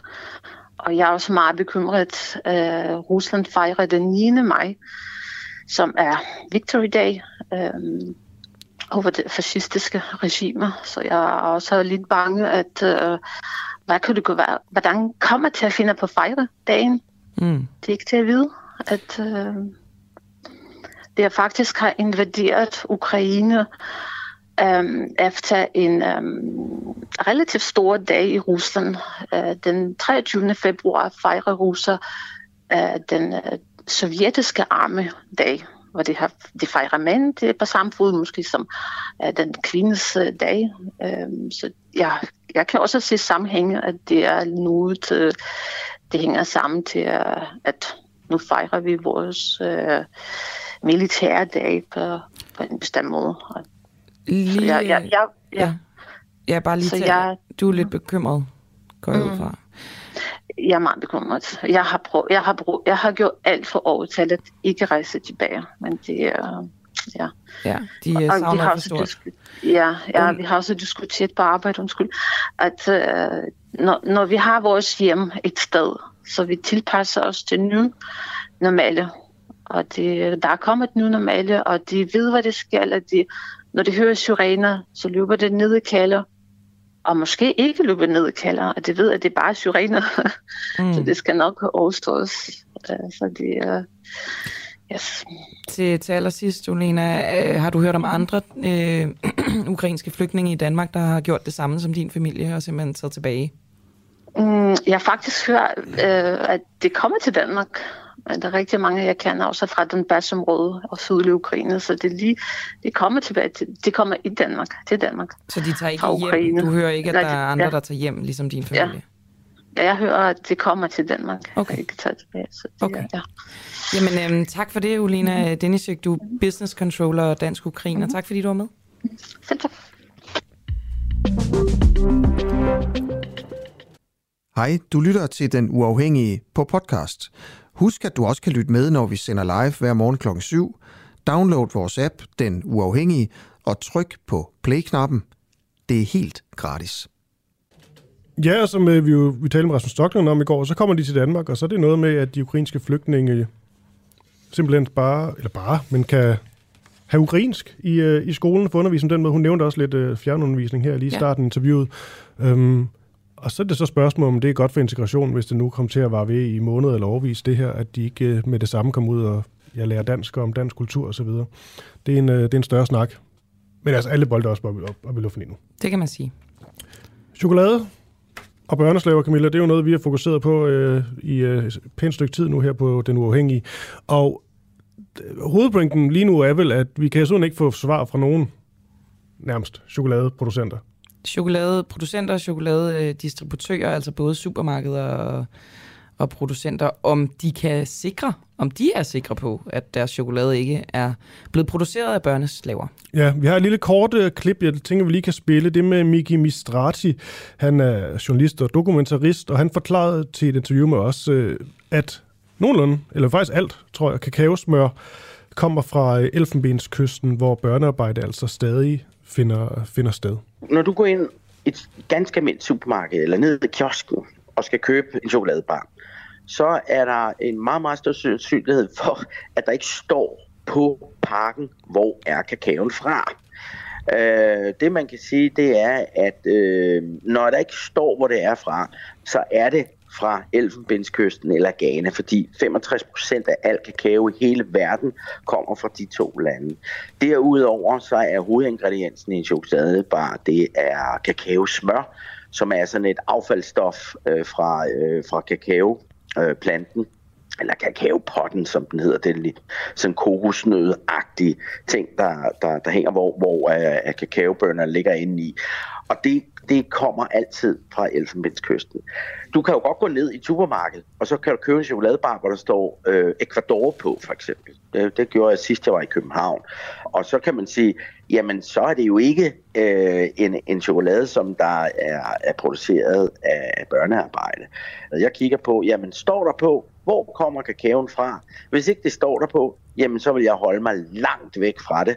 Men mindre man selvfølgelig vil, øh, er ok med, at øh, det chokolade, du, øh, du køber, det er, er produceret af børnearbejde, så, så må du jo gøre det. Det er jo op til din øh, samvittighed at bestemme mm. det. Ja, altså Mik Mistrati med nogle øh, meget klare ord her, og øhm, eksempel, et, et eksempel, vi har haft, det er sådan en øh, Galle og Jessen øh, polchokolade. Den kender man jo godt. Så er der lidt øh, snak om, det skal være lys eller mørk, men det er også der, diskussionen den stopper. Sådan en god en, man, man går for sig om øh, ved, ved morgenbordet. Bag på den står der ikke noget. Så er der formentlig, hvad man skal tage Mikkel Mistratis ord for gode varer, øh, stor sandsynlighed for, at børneslaver har været indenover. Vi har selvfølgelig prøvet at tale med Toms Group, som øh, fremstiller Gala Jessens Apollo-chokolade. De vil ikke svares. Normalt ikke, Stoffer, så kan man jo, øh, eller jeg har i hvert fald nogle gange kigget på det der lille Fairtrade-mærke, som der er på, på noget chokolade, for at sikre mig, at det her, det er i orden. Ja, fordi så står man som forbruger i et supermarked, så ser man Fairtrade-mærke, og så tænker man, det er godt. Og hvor er jeg god. Ja, det er ligesom økoæg eller et eller andet, ikke? Præcis. Og det er jo det samme chokolade. Ja. Og spørgsmålet er så bare, om det rent faktisk er en, øh, en garanti. Fordi det der også, lige før vi, øh, vi taler videre om, om Fairtrade, som vi prøver at ringe op lige om et øjeblik, så har vi også prøvet at tale med, med Coop, vi ringede op med sådan et såkaldt koldkald, men det jo simpelthen fordi, at de ikke vil svares. Øh, så ringer vi dem op, og jeg tror, han fik nævnt noget med, at ja, der er et større problem. Ja, men det er ligesom i branchen, det er hele branchen, der er et problem, så vi skal kigge på det hele branchen. Ja, så han kunne i hvert fald ikke afvise, at der ligesom er chokolade, som børneslave har været inde over, som øh, står på hylderne i øh, Coop Supermarked. Og nu er det så Fairtrade, som du, som du nævnte her, vi tænker at, at ringe op. Og det er vel samme historie. Vi har prøvet at få fat i dem. Altså, simpelthen øh, prøvet at få dem til at stille op til interview. Med alle mulige midler. Giv og så er, det jo, så er det jo sidste udvej, ikke? At jo. ringe op live i radioen. Jo, så hvad er vi skal ringe til? Det er Camilla Erika Lerberg, tænker vi at starte med. Hun er direktør og primær talsperson for Fairtrade-mærket i, uh, i Danmark. Og Camilla, jeg ved ikke, altså der er jo mange spørgsmål, vi kunne stille hende. Jeg synes, det her spørgsmål med, hvorvidt hun kan garantere, at Fairtrade-mærket det ligesom viser, eller kan det, viser det, at chokoladen ikke er fremstillet af børnslev? Ja. Er det det spørgsmål? Kan vi navigere efter det? Ja, helt sikkert. Ja, og det er jo lidt sådan en øvelse, hvor der er en stor chance for, hun ikke tager telefonen, men altså... Nu ringer vi. Og det kan også være, hun bliver sur. Jo, jo. Sådan det.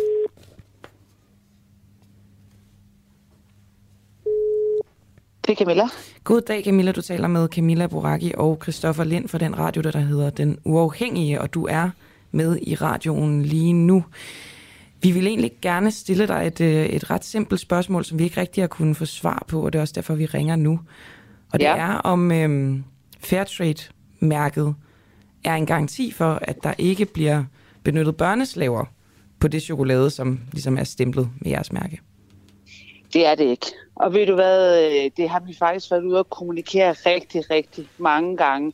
Jeg kan godt forstå, at man stiller spørgsmålet. Mm. Men det har også været utrolig vigtigt for os at forklare, at der faktisk ikke er nogen garantier, man kan give, når man vælger at arbejde i lande med så ekstrem fattigdom og så mange store problemer, som vi gør, når vi taler om Vestafrika. Så kan man ikke give nogen garantier. Alternativet, hvis man skal give nogle garantier, og det er der andre, der gerne vil give, så er det jo, at man overhovedet ikke sourcer eller beskæftiger mm. sig med råvarer, der kommer fra Vestafrika. Og der er vi jo lidt en anden organisation øh, end andre, kan man sige, fordi mm. vi føler jo, at vi har et ansvar for også at være de steder, hvor det er svært, hvor det er problematisk, og hvor vi ikke kan give nogen garantier. I hele vores kommunikation har vi forsøgt konstant at gøre opmærksom på, at vi gør, hvad vi kan. Når det handler om børnearbejde, så er vi jo en totalt, øh, hvad hedder det, altså en politik, at man ikke accepterer børnearbejde i færdighedssystemet. Det er helt klart, det gør vi ikke. Hvad vi gør alt, hvad vi kan for at forebygge det. Og vi gør alt, hvad vi kan for at håndtere det, når det bliver opdaget. Men vi kan ikke garantere, at det ikke sker. Hvis vi skulle garantere det, så skulle vi jo være ude ved de øh, småbønder, øh, som øh, producerer under fairtrade standard. Eller bare ikke sætte jeres mærke på de chokolader, hvor I ikke ved det med sikkerhed. Det kunne også være den vej, man ville gå. Ja, men, det, men, men, men, det, men så er, er vi igen derude, vi siger, jamen så efterlader vi bare rigtig, rigtig mange kakaobønder i en masse usikkerhed. Altså det, det er med, selvfølgelig med en vis risiko, det her det sker. Og det er en afvejning af, altså skal vi være helt sikre, så skal vi ikke forsøge at gøre en forskel, og så skal vi overhovedet ikke beskæftige os med Vestafrika. Og det er ikke det ansvar, vi gerne vil tage. Okay, jeg har faktisk lige en lille, lille ting, Camille, så skal vi nok uh, ja. slippe dig igen. Uh, det er jo det er lige fint. fra hoften, det her. Når man, ja. går, når man går ind på, uh, på Fairtrades uh, hjemmeside, så ja. har I sådan en fan, der hedder mod børnearbejde. Um, ja. Når man så trykker på den, ja. så kommer man altså ind på en side, der hedder siden, siden virker ikke. Og det er jo ikke sikkert din skyld. Men det er faktisk undret os Nej. lidt, fordi det ser lidt ja, det, kan, det kan jeg godt forstå. Altså, ja, det kan jeg virkelig godt forstå. Ja. Det er totalt uhentet. Altså, det, det ved jeg ikke, hvorfor. Altså, det må være noget teknisk. Det skal jeg da spørge vores webmaster om. Det er, det er bestemt ikke fordi, at vi ikke vil sige noget, eller fortælle, Nej. hvordan vi arbejder med børnearbejde. Der, øh, der har du været heldig, der lige fanger os i en lille teknisk fejl. Der ja, andet ja, kan jeg simpelthen ikke sige om det. Sådan det. Og så ja. bare lige op, ja. opklarende. Altså, det her ja. med et Fairtrade-mærke, det, altså, det giver ikke nogen garanti for, at den her chokolade lad os bare sige for Toms, at den ikke har haft børneslaver indover. Nu arbejder vi ikke med Toms, men ja, ja. det er så et eksempel. Ja. Okay. Men det var egentlig bare ja, det. Vi, ja. Okay, du er det... Vi, er, vi, vi arbejder ikke med Toms. Toms har deres eget øh, sustainability-program. Okay, men det er samme, men det samme øh, problem udfordring, I står overfor med dem, I arbejder sammen med? At hvad, siger du? Det med uh, mulige børneslaver, som har været med til at lave uh, chokoladen. Jamen, altså, prøv at høre, det er jo vigtigt at skelne mellem tingene her. Vi arbejder med, kan man sige, børnearbejde. Vi arbejder mod børnearbejde. Vi arbejder mod, med forebyggelse af børnearbejde. Mm. Og vi arbejder med at håndtere børnearbejde, når det sker i systemet, for at det sker.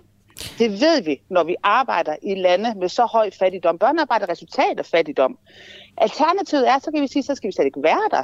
Så skal vi slet ikke arbejde. Så skal vi slet ikke forsøge at gøre en forskel i Vestafrika, hvis vi vil give forbrugerne den her garanti. Men det er jo så kun noget, vi gør for at tilfredsstille forbrugerne. Det er jo ikke noget, der gør en forskel for hverken bønderne eller børnene, som det her det handler om. Irriterer det dig egentlig ikke, at jeres mærke, det, øh, det er på chokolade, der potentielt er produceret af børnearbejde? Bare sådan som Nej. menneske? Altså, er det ikke, er det ikke irriterende, at jeres mærke, som jeg går ud fra, at du er rigtig stolt af, potentielt det, ja. kan optræde på chokolade, lavet af børnearbejde? her prøv at høre her, jeg synes jo, altså børnearbejde er noget af det grummeste, man kan se. Mm. Det er noget af det grummeste, der forekommer. Det skal der ikke være nogen tvivl om. Det synes jeg som menneske, og det synes min organisation også, og det er derfor, vi har så strikke politikker, strikse politikker omkring det. Jeg synes, det er forfærdeligt. Børn skal i skole. De skal have lov til at være børn. De skal have tid til leg og udvikling. De skal ikke arbejde otte timer om dagen øh, og, og misse alt det, som alle andre børn faktisk har krav på ifølge børnekonventionen. Så jo, så både som menneske og som, og, og, og, og som fortaler for en organisation, arbejder vi jo benhårdt på det her, og, og synes ikke, det er godt nok, og prøver jo at gøre vores bedste. Og det er det, man skal forstå i det her. Vi som mærkningsordning, I skal lige huske på en ting, det er faktisk kun 7% af al den kakao, der bliver sourcet fra Vestafrika, der er certificeret af Fairtrade. Det er et kæmpe problem. Mm. Det er et kæmpe problem. Der burde være meget mere, der bliver sourcet som Fairtrade. Så, og det betyder jo også, at vi ikke kan tage an. Vi kan jo ikke løfte hele den her problematik alene. Og derfor er det jo så vigtigt, at vi samarbejder. At vi samarbejder på tværs af både organisationer, NGO'er og virksomheder og andre, der har en mulighed for at gøre en forskel her. Ikke?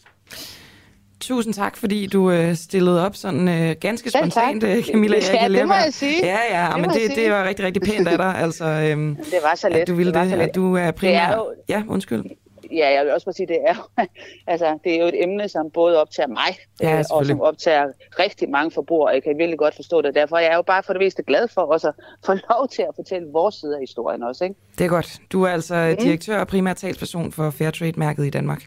Kan du have en god dag? Ja, tak. Tak, i lige måde. Mm. Hej. Lige en hurtig uh, ting her, Camilla. Det er jo vildt nok, at vi ligesom har ved, at de altså, har nægtet at stille op til interviews. Og så ringer vi hende op. Hun var super klar. Ja. Men, øh, men jeg synes, det, det kunne være en spændende øvelse. Måske gå ned i supermarkedet, finde noget chokolade med et Fairtrade-mærke, og så bare sådan lige tale med nogle forbrugere. Sådan, kunne du forestille dig, mm. når du ser den her chokolade, og der er et Fairtrade-mærke, at det, ja. det er børnearbejdere? Ja. Ja, man er tilbøjelig til at tænke, at så er det bare helt good to go. Nå, vi, vi iler videre øh, til Bjørn Brandenborg, og følger ligesom op på et interview, vi havde tidligere på morgenen med øh, advokat Eddie Kavaja, som øh, talte om det her med, at udvisningsdømte danskere, ikke danskere, men øh, øh, folk med anden etnisk herkomst, nu skal afzone i Kosovo i et mm. fængsel. Vi har lejet 300 pladser i et øh, fængsel i Kosovo. Øhm, det synes øh, advokaten her ikke var en god idé. Det går jeg ud fra, at Bjørn Brandenborg synes er en rigtig god idé. Øhm, I går der underskrev justitsminister Nick Hækkerup en traktat om, at Danmark ligesom kan lege de her 300 pladser. Og øh, Bjørn Brandenborg, hvad sker der med øh, de udvisningsdømte kriminelle, når de er færdige med at afzone deres straf i Kosovo? Og godmorgen. Godmorgen. Jeg synes, det er en fremragende idé. Der sker det, og så skal de jo rejse hjem til deres øh, hjemland. Og hvad hvis de nægter det? Ja, så har man jo forskellige muligheder for alligevel at sørge for, at folk de bliver øh, udvist til de lande, hvor de kommer fra.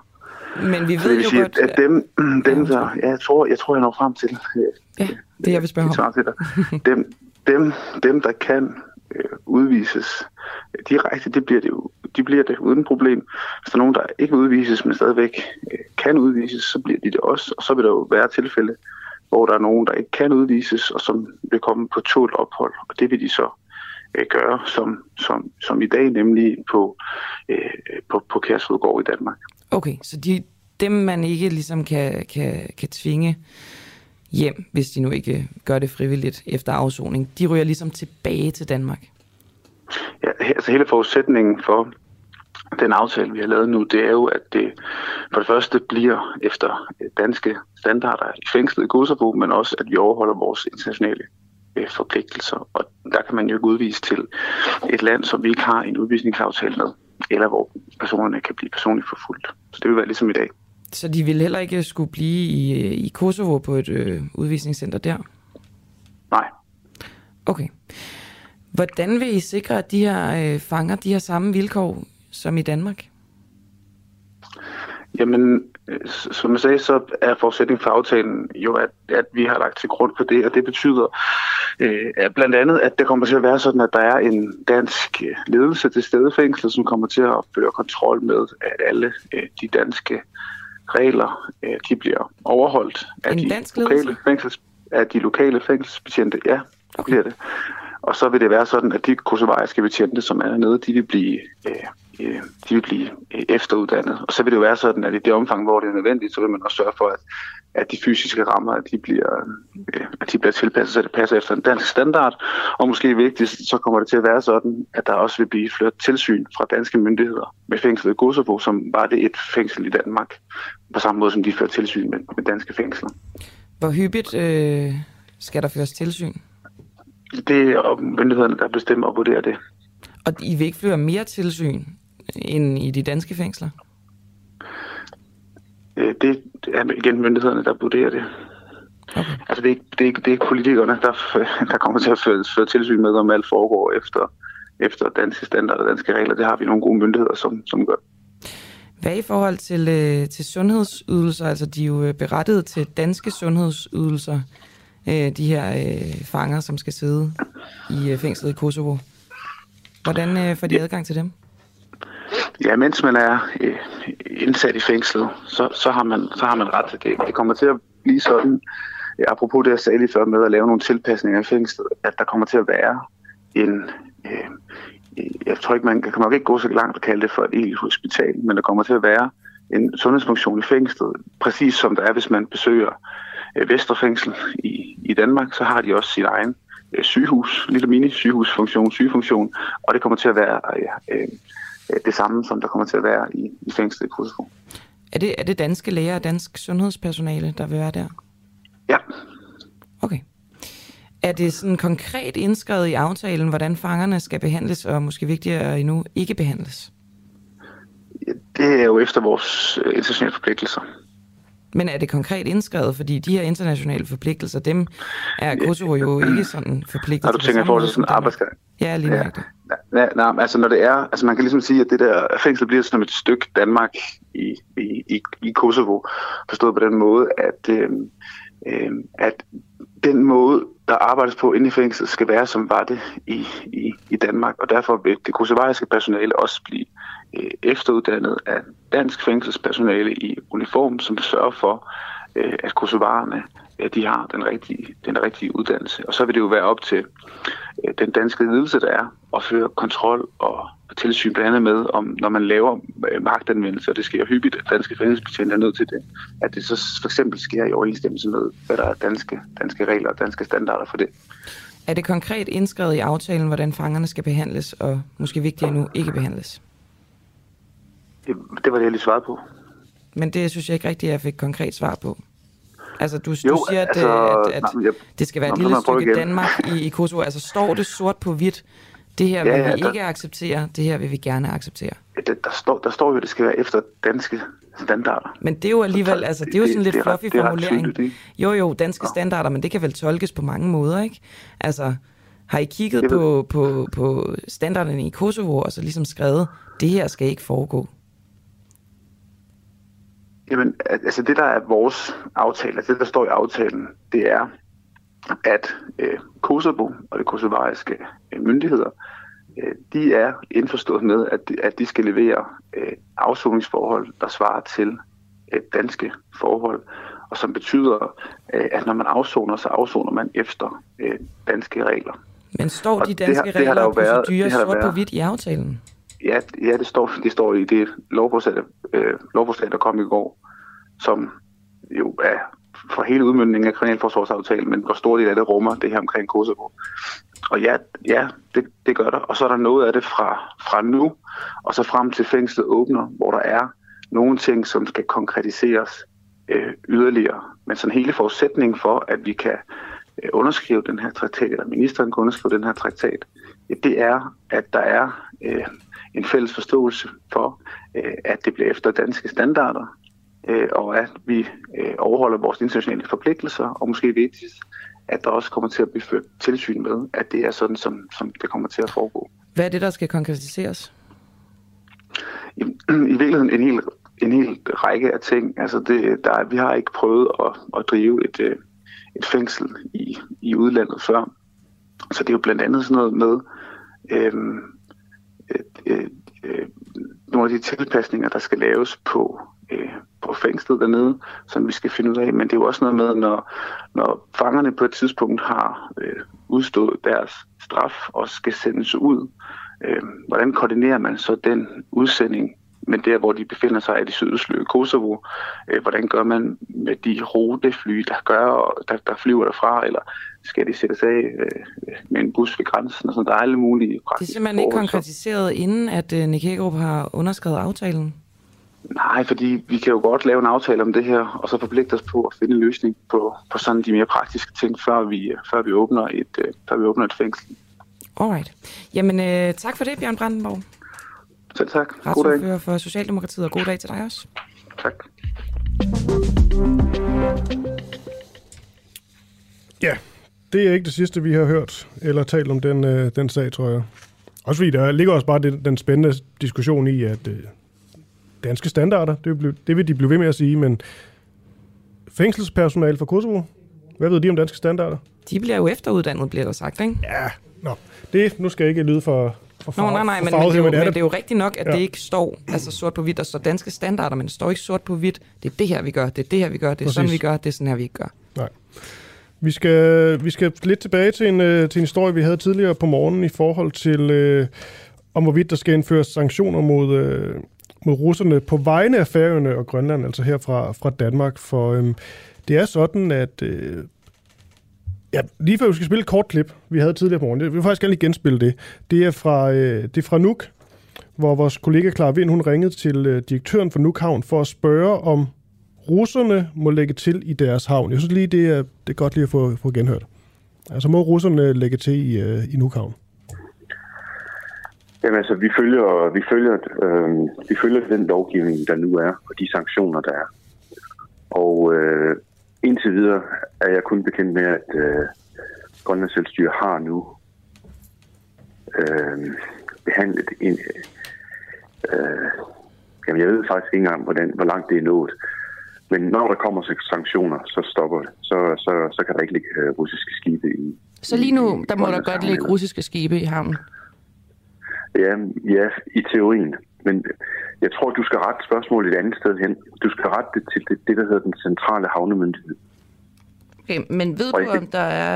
Øh, altså, du siger jo, at der, der kommer på et tidspunkt nogle sanktioner. Jeg tror, der er, jeg tror, der er sanktioner undervejs. Men... Ja, jeg tror, der er sanktioner øh, undervejs, men øh, ikke, ikke noget konkret i hvert fald. Nej, sanktioner fra det, det grønlandske styre. Øhm, tilbage i februar, der opfordrede øh, den danske statsminister, altså Mette Frederiksen, kraftigt øh, færøerne til at bakke op om øh, de europæiske sanktioner. Men færøerne, som også er en del af det her, hvor der også må komme russiske mm. skibe, såvel som i Grønland, de har altså ikke fulgt op på det europæiske eksempel.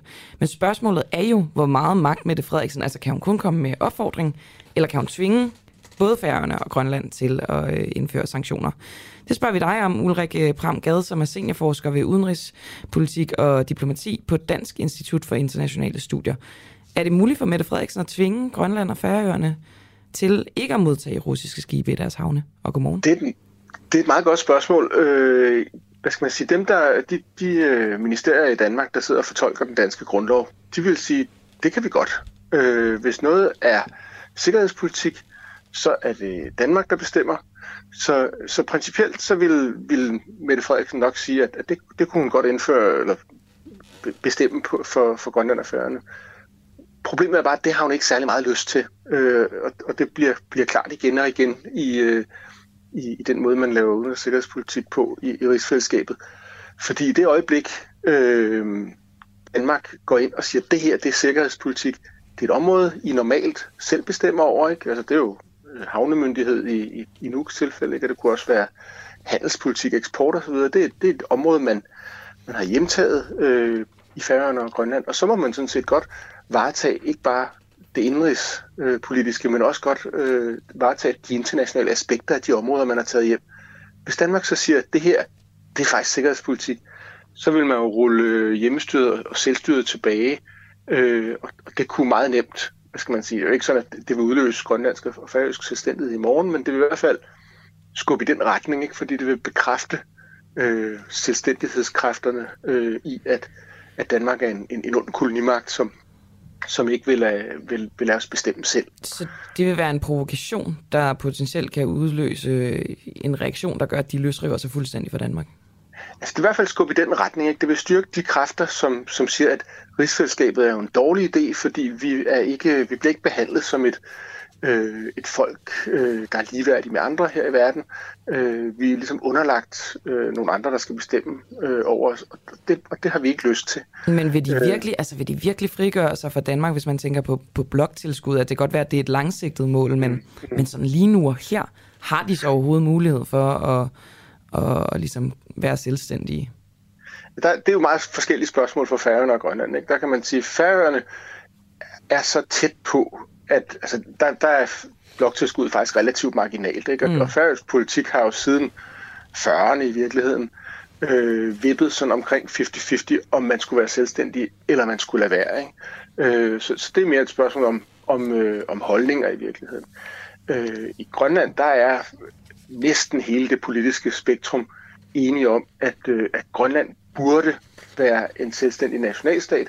Der er, en, der er uenighed om, om, om det nogensinde er realistisk, og om hvor lang tid det kan tage, og hvornår, hvad skal man sige, hvad det er, der skal, i, skal, skal på plads, før det kan lade sig gøre. Ikke?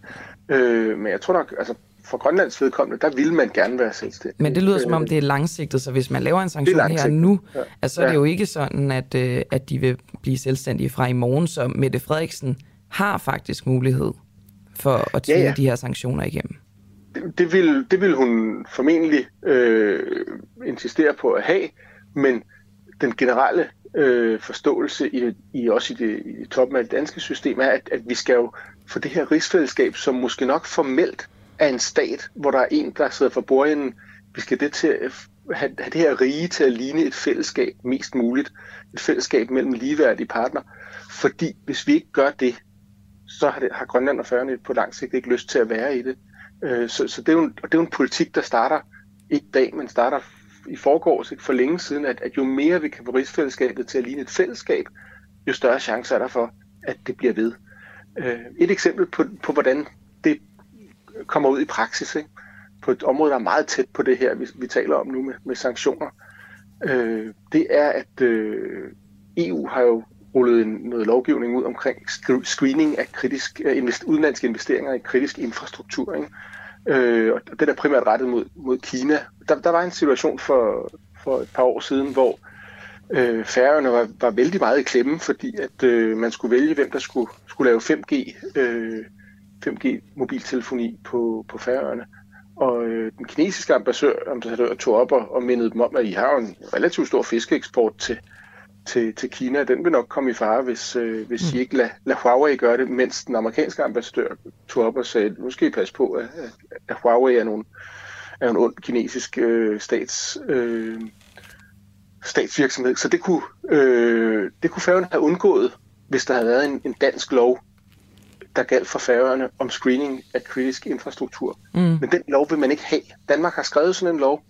Færøerne har ikke lyst til, at den skal sættes, sættes i, øh, i kraft på samme måde for, for Grønland. Ikke? At, at der er jo næsten ikke noget infrastruktur i Grønland, der ikke er, kan sige at være kritisk.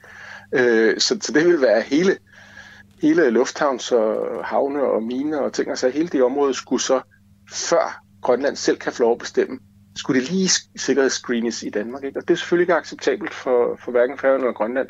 Så i stedet for har Mette Frederiksen nedsat et, øh, det, hun kalder et kontaktudvalg, ikke? hvor øh, topministerne fra de her tre rigsdele skal, skal tale om den her slags sikkerhedspolitiske problemer.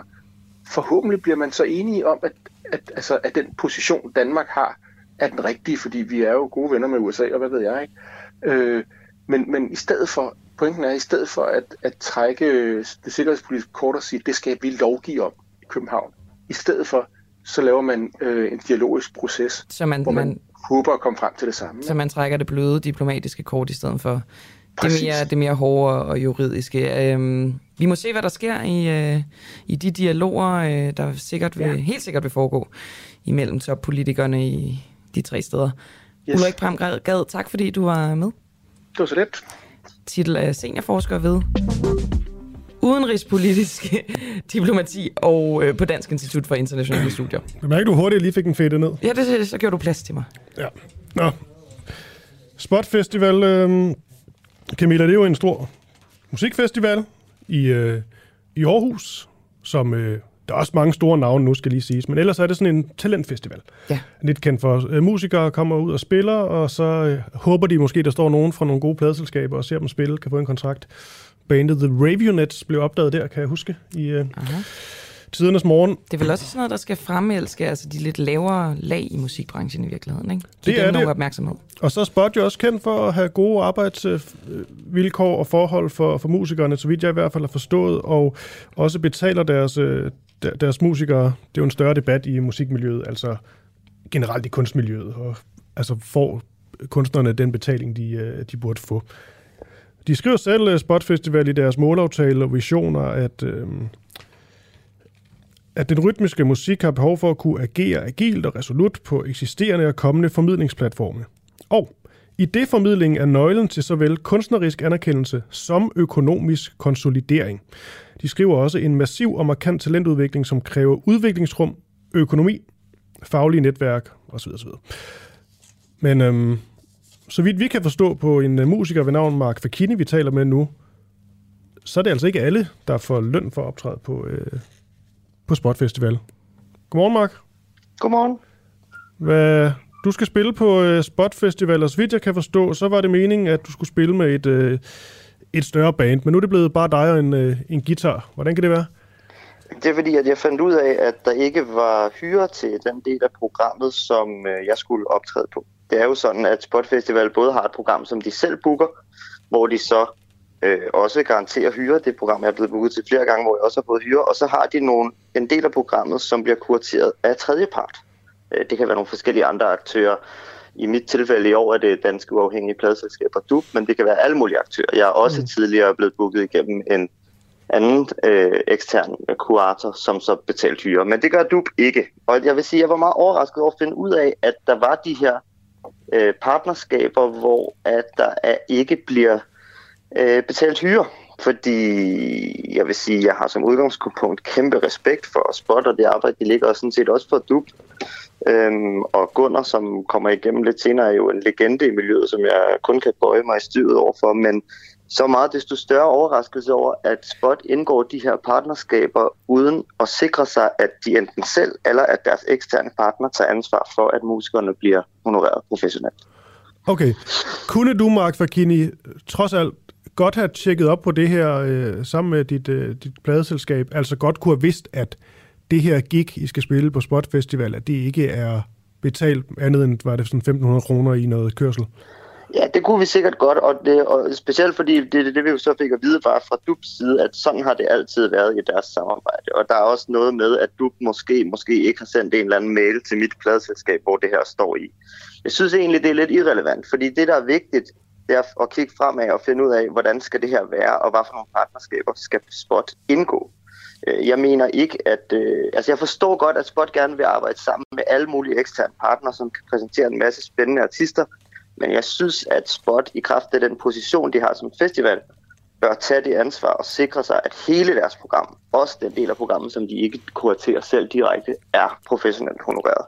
Så hellere have et lidt mindre program, det tror jeg i øvrigt ikke ville skade, og, og, og, og sikre sig, at de partnere, man har, øh, øh, giver ordentlige vilkår til de medarbejdere, der er. Altså i alle mulige andre brancher, så ville det her jo desværre være en eller anden form for social dumping, hvis man går ind og får en ekstern partner til at levere ja. øh, en, en ydelse til en anden pris, end den pris, man sådan, som sådan selv har forpligtet sig til at betale. Ja, for som jeg, jeg forstår det, og det er også det, jeg selvfølgelig lige vil spørge øh, Gunnar fra, fra Spot Festival om om et øjeblik, så er det sådan, at Spot Festival, de øh, sætter en ære i og betaler deres øh, optrædende kunstnere, altså give dem, der leverer et produkt, øh, betaling som, øh, som fortjent. Og alle er respekt for det, for det er ikke altid, Præcis. man ser det i den her branche. Men Præcis. så er der eksempelvis dem, der ligesom spiller øh, via det her DUP, øh, som så er dig i det her tilfælde, som så ikke får denne her øh, forventede tarif og alt det her.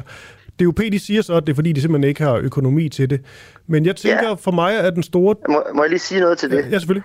Altså, fordi, øh, fair nok, og du er en lille organisation og sådan noget, men det er et rimelig godt projekt at præsentere nogle artister på Spot Festival. Altså, det, det, det skal man være i stand til som sådan en organisation som klub at fonde nogle penge til. Og hvis ikke man har tiden til at skaffe de midler, så vil jeg mene, at man ikke har formatet til at være til stede på den festival. I hvert fald ikke lige i et års tid. Så tag et års pause fra at være repræsenteret på den festival og brug krudtet på at forsøge midlerne til at gøre det ordentligt. Det vil jeg ikke mene var så svært egentlig. Okay, men jeg tænker, vi holder lidt du ude af, af denne her, denne ja. her snak, og de har også svaret dig, øh, kunne se inde på Facebook i det her, så, ja. og I er ikke helt enige. Men jeg synes lige nu, den, den spændende debat, det er det med Spot Festival. Har optrædende kunstnere, som ikke får betaling, så kan det godt være, at Spot holder deres egen sti ren på en eller anden måde, men, øh, men de har stadigvæk nogle samarbejdspartnere, eller nogle eksterne, hvad vi nu skal kalde dem, tredjepartspartnere, som ikke betaler deres kunstnere. Men jo, som, de, som står på spotscenerne, ikke? Bare så lige forstår det. Som står på spotscenerne, og man kan sige, og, og som også ikke står på spotscenerne. Altså man kan sige, der er jo også nogle eksterne scener, som ellers ikke er en del af spotprogrammet, men som så bliver det igennem de der samarbejder. Jeg forstår godt, Spot har et dilemma, fordi der er en masse spændende eksterne aktører, som de gerne vil arbejde sammen med, og de, og de synes jo, at de giver en gave ved at sætte de her artister på programmet, og de kan måske også sige, om de musikere, som de her eksterne aktører præsenterer, de har selv givet samtykke til ikke at få noget hyre og sådan noget. Det er jo så bare skruebrækkeri, som jeg også selv har gjort masser af gange. Det kan man jo så synes om, hvad man vil. Men, men, men jeg mener bare, at Spot Festival har en så stærk og vigtig, og i øvrigt i ret høj grad gennemfundet position i musiklivet, som gør, at det der fede princip, de har om, at, øh, deres, at de artister, de selv booker for at hyre, det skal de bare sprede ud til alle, der er på festivalen. Det skal de bare gøre, no problem. Altså. Ja, fordi her til sidst, Mark Fakini, og du kan jo lige hænge med på telefonen og taler med Gunnar, så kan det også være, at vi kan få jer begge to på. Men, men lige her til sidst, altså Spot Festival, så er det vel sådan, så går man rundt og ser nogle, øh, nogle koncerter, nogle up-and-coming øh, kunstnere osv., men som publikum, så ved man vel ikke, hvilke scener, der betaler de kunstnere. Du kan se en kunstner, som får betaling, og så skal du gå ind og se dig, og du får ikke noget. Ja, det synes jeg nemlig også er en del af problemet, fordi alt er sidestillet på programmet. Og det er også derfor, jeg har, har brugt i den debat, der har været, har brugt det der ord social dumping, som jeg godt ved er et hår, hårdt ord. Men det er jo fordi, det ser sådan ud, når nogle forskellige ydelser er fuldstændig sidestillet, og du som såkaldt forbruger ikke kan se, hvad der egentlig er overenskomstmæssigt lønnet, og hvad der ikke er. Okay. Mark Fakini, tak i første omgang. Øhm, vi tager lige med Gunnar K. Madsen, men hvis det virker det tekniske skidt her, så hænger du bare lige på på telefonen, og så kan vi bare lige få tændt for dig om et øjeblik igen. Det er så fint. Okay, tak for det. Selv tak. Og så skulle vi gerne have Gunnar K. Madsen med. Ja, det har jeg også. Goddag her. Du er... Goddag, goddag. du går sådan lidt sjovt igennem mine bøffer, hørebøffer. Den er kun i min venstre, men... Øhm, ja, ikke? Lad os se, om det ikke gør Og jeg kan slet ikke høre jer på min computer, så det er jo en, øh, en lille miserabel foretagende. Men skal ikke få det bedste ud af det? Jo. Er du, er du godt høre os lidt, ikke? Altså, nu kan, kan du godt høre os. Jeg, kan- jeg, ja, jeg kan høre i telefonen, ja. men det program kan jeg Okay, høre. men, men vi, vi taler jo bare om Mark Fakini, og Mark Fakinis øh, kritik, den kender du jo godt til. Ja, absolut. Ja. ja. Så lad os bare lige øh, starte der. Optræder der kunstnere til øh, Spot Festival, som ikke får, øh, får betaling for, øh, for optræde?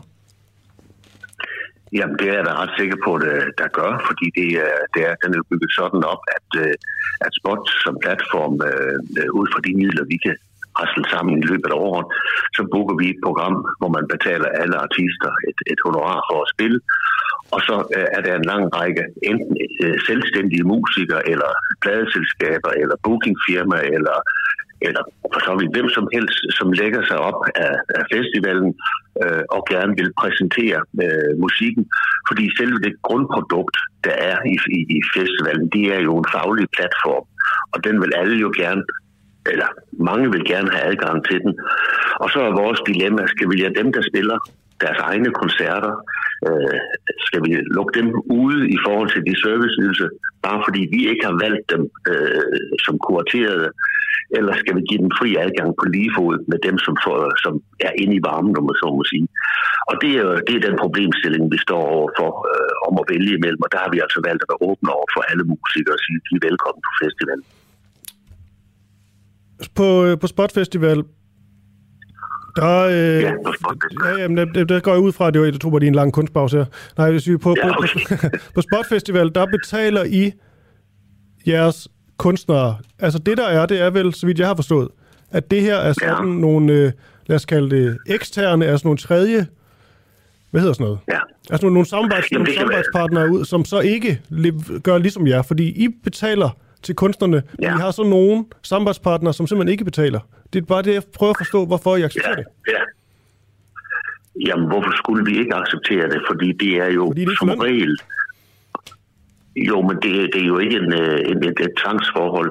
Det er jo som regel øh, orkestre, musikere, pladeselskaber, der på vegne af musikere gerne vil sætte noget op, øh, fordi de gerne vil ind og have været en del af, af, af Sportfestivalets øh, servicemuligheder. Og de vil gerne omtales i programmet. Det er vi jo ikke pligtige til, og det er da rigtigt, at øh, hvis vi undlod at, at, at give den service, fordi jo- man ikke er blevet Ja, men, udvalgt, men Gunnar, undskyld, jeg lige afbryder, fordi det er jo ja. tæt på sådan, man taler om sådan noget kreativ udnyttelse af kunstnere. Altså man får nogen til at læse, du kan da alt muligt litteratur, får nogen til at læse op på et bibliotek, og siger man, øh, det handler om at få lidt, øh, lidt udbredelse, du får ikke nogen løn for det. Det er jo noget problem, de, kunstnere generelt har kæmpet med i årvis. Og nu siger du, at det Ja, ikke det er noget... jeg. Men så mener du simpelthen Det ikke, det er ikke noget problem, at, de ikke får, at I har kunstnere på jeres festival, som ikke får betaling. Er I ikke med til at skævvride branchen så? Nej, det er jeg sådan set ikke enig i. Jeg tror, det er at simplificere den problemstilling, og, og jeg tror, at mere end nogen, i hvert fald de fleste, har kendt den problemstilling, for det her, jeg har jo arbejdet med øh, musiklivet i, øh, i, i så mange år, at jeg, jeg ved, det er en, det er en elgammel problemstilling, og den handler i nogen grad om, hvorvidt man ser på musikernes udøvelse som en lønnet øh, beskæftigelse, eller som en fri entreprise, altså om man er uafhængig og dermed selv er ansvarlig for, hvor meget kan man tjene. Det er dybest set der konflikten ligger. Hvor placerer man sin status? Og det er der jo ikke nogen autoriteter, der kan afgøre. Så en social dumping, det kunne jeg for eksempel for forstå, når det begreb bliver bragt ind øh, øh, i det det kunne jeg forstå, hvis det var tale om et, et, et, et, et afhængighedsforhold af et arbejdsmarked, hvor vi udbyder nogle arbejdspladser, men sådan, sådan er det jo desværre ikke i virkeligheden. Men, er der ikke, vil jeg sige. men I får, altså folk betaler vel for at komme på Spotfestival, ikke? At, hvad siger du? Folk betaler for at komme på Spotfestival. Hvem folk? Altså... Publikum? Ja, det koster noget for... Ja, publikum betaler for at komme publikum på festival. Publikum betaler ja, for en billet. Ja. Så har I kunstnere ja. på scenen, ja. som spiller uden at få løn. Ja. Det vil sige, der bliver tjent penge på, publikum går ind og ser en koncert, men nogle af de kunstnere, der så står og rent faktisk leverer produktet, de får ikke løn. Jamen, det er jo fuldstændig korrekt, og der kan også være folk, der går på... En del af vores koncerter foregår også på konservatoriet, og det vil sige, at der er studerende, der spiller, de får jo heller ikke løn. Og, og det er helt enig, det er, sådan er det. Det rytmiske musikmarked er en, hvad skal man sige, uafskillelig, i hvert fald hidtil, øh, mængde af koncerter, hvor der er blandet lønnede og ulønnede. Okay. Men det er ikke det samme som, at det er sådan set de øh, branchevilkår, som er der, og dem kan man godt øh, forsøge at, at, at, at for, forændre. Vi kan ikke isoleret set gå ind og ændre på de vilkår. Men det, der undrer mig lidt her, Gunnar K. Madsen, det er, at jeg forstår godt, du har også været i den her branche i mange år, og, øh, og der er mange ja. store problematikker. Men i forhold til Spot Festival her, så har I jo, altså I betaler jeres kunstnere, dem der står på scenen, dem øh, og så videre. Hvis I bare holdte jer til det, og så ikke eksempelvis lod DUP få, øh, få kunstnere få en scene, ja. eller hvad man nu siger, så vil I holde jeres ja. sti fuldstændig ren. Så har I en festival, hvor I rent faktisk betaler alle kunstnere, der optræder. Ja, og så vil vi være rigtig, rigtig, rigtig fint politisk korrekte i forhold til den problematik. Men en lang række opkommende orkester vil så være valgt fra, fordi at man man, man ser det hele som hierarki om at komme ind i varmen. Vi ser det som udtryk for, at så mange som muligt skal have adgang til de, den viden og den service, der ligger i at komme i kontakt med, med udlandske agenter. Det der sammenfaldende for både de lønnede og de ulønnede er jo et arbejde med at udvikle deres erhvervsmæssige platform, deres forretningsmæssige men, men muligheder. Det, om... det, lader sig, det lader sig ikke gøre ved at betragte det her som Nej. en arbejdstagerproblemstilling. Det er en forsimpling, som, som som, som simpelthen ikke er, er rimelig øh, og rigtig at bruge i den her sammenhæng. Det er i hvert fald ikke til gavn for musikken, efter min opfattelse. Nej, okay. Men handler det her om politisk øh, korrekthed, eller handler det om, at øh, de kunstnere, der optræder, burde få øh, løn? Jamen, det handler om, når du stiller det op sådan, at, at vi, vi kan vælge, og det har du jo ret i, vi kunne vælge os at udelukke alle dem, som ikke får løn fra at få adgang til, til, til spot. Mm. Det er fuldstændig rigtigt. Og det, den, den diskussion har vi også ofte. Vores rationale er bare, at det ikke os, øh, der, der, hvad skal man sige, øh, øh, beder folk eller booker folk for at komme for, for at understøtte vores forretningsmodel. Vi har et produkt, som folk gerne vil have adgang til. Så vores etiske dilemma, det består i, vil vi lukke folk ind, som ikke har fået et engagement hos os, til alle de goder, man får jeg tror, folk forveksler det og, tænker, at det her det er, en, det er en almindelig festival, hvor det handler om, hvad får publikum øh, for pengene. Og publikum får det, de betaler for. De får koncerterne. Det er nok ikke øh, det, det, som musikerne får. Det er ikke så meget alene en koncert for publikum. Det er en såkaldt showcase festival. Man får en præsentation over for branchefolk, og det er en del af den nødvendige forretningsudvikling, det er, når man er selvstændig. Øh, Gunnar øh, K. Madsen, du, øh, du sagde før, at, og det er også lidt det, du siger nu, kunstnerne er ikke ja. afhængige af jer, de, øh, de gør det på egen opfordring. Men de er vel afhængige af, dig, af jer. Altså nu siger du selv, at I er sådan en, et sted, hvor folk bliver spottet. Så i virkeligheden, ja. hvis man gerne vil være noget, så, øh, så ja. er det vel en god idé at optræde hos jer. Så de er jo Absolut. afhængige af jer man kan ikke sige, at de er afhængige, men det er jo, du er enig i, de, de, øh, de vil gerne, som regel vil de gerne spille. Det er jo derfor, de søger. Og, og vi har kun mulighed for at optage et vis antal med den økonomi, som vi skal skrabe sammen i løbet af et år for at betale det. Det er jo ikke sådan, at publikums betaling øh, alene øh, kan sikre, at, at, at, at øh, omkostningen ved spot holdes. Vi skal ud og en sponsorat og have en tilskud øh, og hente midler alle mulige steder for at gennemføre bare den platform, der gør, at de øh, orkester, vi øh, kuraterer og tilknytter, at de kan få et honorar og blive lønnet.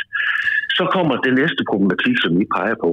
Alle dem, der egentlig gerne vil have del i de muligheder, der opstår, når man sætter sådan et event i søen. Og der er vores moralske dilemma. Vi kan godt gøre, som I lægger op til, eller som I foreslår, for at holde stien ren. Ja, nej, ingen for, hvis vi siger bare, nej tak, I må ikke komme hos os. I må ikke være en del af synlighedsprogrammet, fordi I ikke får løn. Det er jo det eneste modsvar, der findes, for vi har jo ikke, det er jo ikke nogen forretningsmodel. Vi tjener jo ikke noget på, at nogen ikke får løn. Det er jo ikke sådan, det fungerer.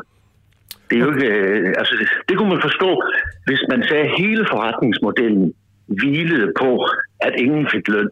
Altså, jeg går ud fra, nu ved jeg ikke, hvor, hvor godt man er lønnet i X-Factor eller i Melodi Grand Prix eller sådan nogle steder, når man tager ind og optager. Jamen, der kan man måske godt sige, at det er en forretningsmodel i, at ingen får løn for at være med. Øh, og så skulle det jo så set forbydes. Kun lad os prøve at få... Problemet. Jeg tænker mig at prøve at få Mark, Mark, Mark Fakini på. Er det okay? Jeg, ja. jeg afbryder det bare, ja, så vi ja, også... absolut. Han er, også godt. han er meget velkommen. Ja. Super. Mark, Mark, kan du høre os? Det kan jeg, og godmorgen til dig også, Gunnar. Ja, godmorgen, Mark. Mark, øh, Mark, Mark Fakini, øhm, kan du lige, hvis du, nu har du hørt lidt med her, øhm, ja. og jeg tænker, fordi at, øh, du måske bare komme med, med det, det spørgsmål, du allerhelst vil, vil have svar på, eller den problematik. Jamen altså, det er jo, det er jo bare, hvorfor man, hvorfor man vælger at prioritere øh, kvantiteten. Altså, fordi jeg, jeg, jeg tror, at mange branchepersoner også vil give både Gunnar og jeg ret i, at der måske er, er et større udbud generelt i musikbranchen, end der behøver at være. Og, at det, og det gør så måske også gældende på spot. Så jeg, jeg tænker ikke, at det, at det er så god en idé at bare partout have alle der er interesseret i at være repræsenteret på spot, repræsenteret, når man så går på kompromis med professionel honorering. Det er jo trods alt ikke nogen menneskeret hverken at optræde på spot eller at øh, kuratere noget til spot. Og der bliver holdt spot hvert år, og hvis ikke man bookede så mange genganger, det er måske lidt skarpt sagt, men hvis, hvis, hvis man bookede færre genganger, så vil der jo også være plads til alle hen over en længere periode, i stedet for at alle skal være repræsenteret hvert år. Mm. Goddag. Jamen, der, ja, jamen, det, det er sådan set noget, et helt fint problematisering, som måske også bare sætter lys på, hvad det er vores øh, udfordring. Fordi vi er jo netop ikke en festival, hvor man, hvor man så må sige, anskuer det som vores opgave at skaffe et lønnet job på en given dato til et orkester. Vores øh, opgave er at være en del af en proces for mange orkester i deres karriere. Sådan, så de kan få det kan mange opnås, og for, Jamen ja, men, men måske ligger lønningen i, at man får en international aftale, og så får man det. Men hvis man så hvis man går ned og siger, jamen det vigtigste, når jeg står op om morgenen, det er at komme hen og få et lønjob. Det er ligegyldigt, om nogen hører det, eller ej, bare jeg får mit løn. Det er jo derfor problemstillingen er, øh, og jeg kan godt forstå, at du siger det, og vi møder den jo også. Lukker vi op for for mange? Jamen, det spørger vi os selv hvert eneste år om. Øh, burde vi være mere elitære og sige, at der skulle kun øh, vælges de skal vi sige, 20 virkelig levedygtige orkester, der er i Danmark, og så skulle de ligesom promoveres yderligere. Men I kunne vel også gå og bare, I, I, I kunne sådan bare vælge samarbejdspartnere, som betaler deres øh, kunstnere. Nu er det ikke mig, der er leder af Spotfestival, men jeg siger bare, at det er vel en mulighed. Jamen, det er bestemt en reel mulighed, og øh, øh, det er bestemt en reel mulighed.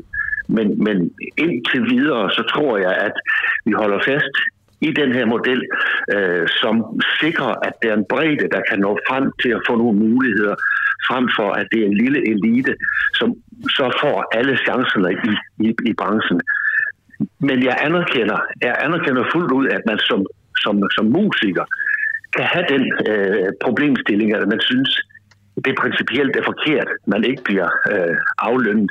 Men det er på et frit marked først og fremmest ens egen skal vi sige, ansvar at tage, tage stilling til, hvilke jobs vil man spille, og hvilke Ja, fordi vil man up and, ikke spille. jeg tænker bare, up and coming talenter, også dem, der ikke har fået gennembrud nu, de skal vel også behandles ordentligt. Det er vel hårdt, at de kommer ind i en musikbranche, hvor de ligesom lærer, at det er normen, at man ikke får mere end lidt øh, kørselstillæg. Jamen, det kommer jo an på, om du ser på det at komme ind i musikbranchen som en fast stilling, eller som et frit næring, hvor, hvor alt kan ske. Det kommer jo helt an på det livssyn, man har omkring, øh, omkring det. Øh, jeg anerkender, hvis dem, der ser på musikudøvelse som noget, hvor man ønsker sig et fast job, de vil typisk også søge stillinger i øh, symfoniorkestre eller i big bands eller inden for, for områder, hvor du kan sikre sin fast stilling. Men det område, vi har med at gøre primært, det er jo orkester, der, søger at udvikle alt lige fra en drøm til en reel karriere. Okay, Gunnar, det og, den, og, den, og den virkelighed, man lever i der, den er altså anderledes end et almindeligt arbejdsmarked. Ja. Okay, det er sidste kommentar her, og det er ikke fordi, jeg ikke har lyst til at tale videre. Vi kunne have ævlet længe om det her, også med dig, Mark Fakini, men øh, vi skal jo videre i teksten. Så øh, jeg vil bare sige tak til jer begge to for at være med til denne her øh, spændende debat. Selv tak. Jamen, øh, til jer alle sammen. Altid. I lige måde. Ha' det godt. I lige måde. Hej, hej. hej. hej.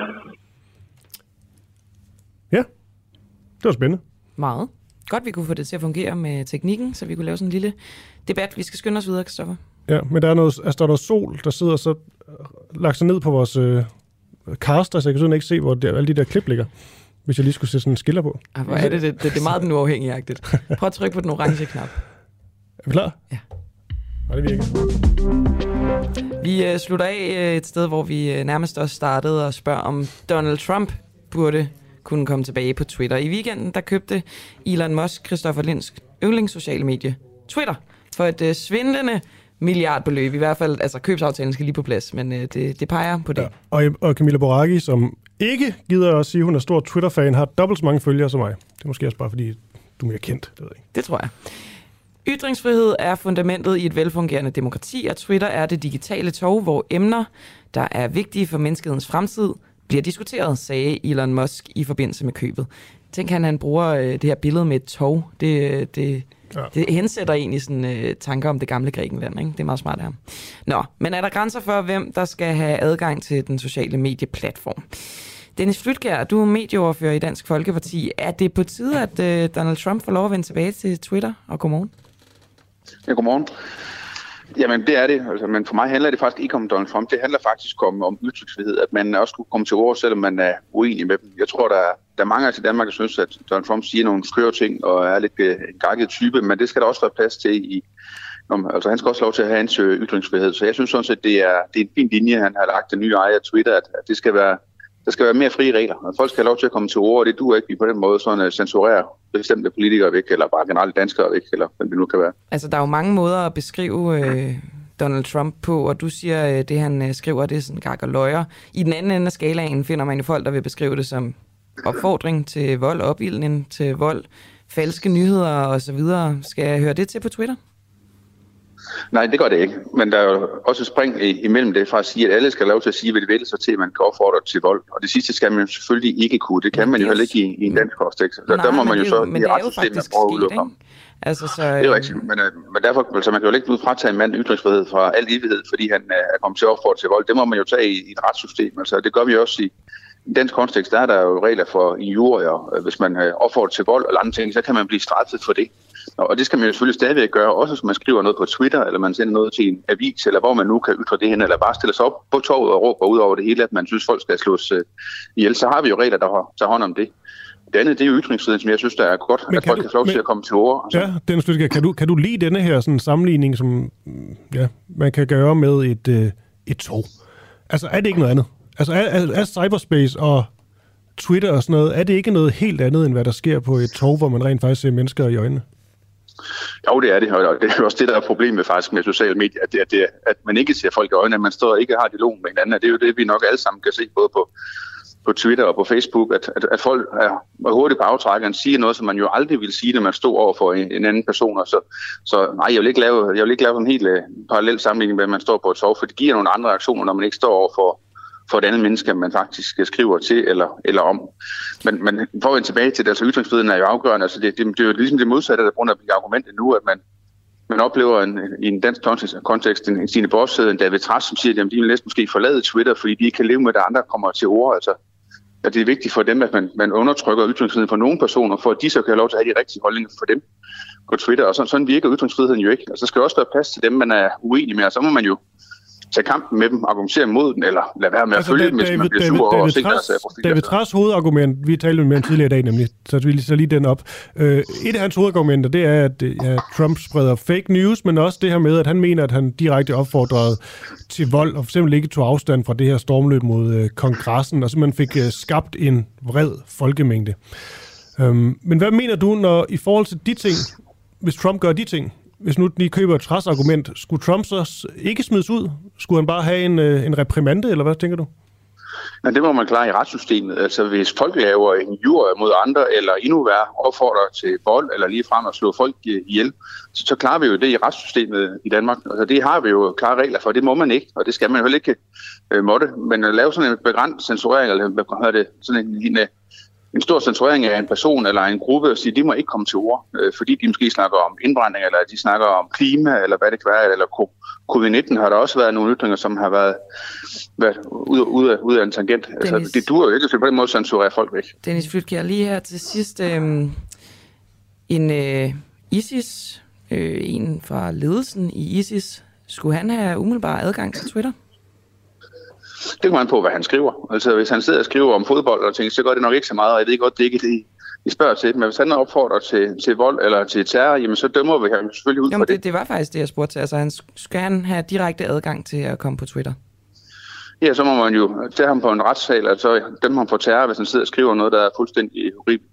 Altså, jeg synes, det er svært at græde på ytringsfriheden, og det er det, vi er ude i nu, jo sidder hvornår er ytringsfriheden godt, øh, hvornår er det okay at censurere? Jeg, jeg er på ytringsfrihedens side. Jeg synes, vi er nødt til at sige, at folk har skal have adgang til at skrive på Twitter, og så må man jo se hånd om, hvis der er nogen, der, der sidder og skriver noget ulovligt, jamen så må man jo give dem bøde, sætte dem i fængsel, og selvfølgelig slet de indlæg, de, de skriver, og sætte dem til ansvar for de handlinger, de nu har, har gjort. Men sådan der, og så løsning, det er, at vi skal, vi skal græde på ytringsfriheden, og så hive det, det frie ord væk. Altså, det synes jeg ikke, der er den gode løsning i vores samfund. Og til allersidst er EU's lovgivning stærk nok til at øh, administrere det her, når der så øh, alligevel er øh, folk, der falder udenfor? Nej, altså det tror jeg faktisk ikke, den er. Altså, der, der, der, der er brug for nogle, nogle, nogle spilleregler selvfølgelig også, hvordan man gør det. Altså det kan være, hvornår skal man fjerne noget, hvis man er Twitter, eller man er Facebook, eller et andet socialt medie, hvis noget der er direkte ulovligt, eller Øh, hvad gør man, hvis man oplever, at der er nogen, der faktisk så netop truer med vold, eller, eller at slå folk ihjel. Øh, hvordan håndterer man de sociale medier? Hvor hurtigt skal de rykke og sådan nogle ting, og hvad er deres ansvar i de her ting, hvis de så ikke rykker på det?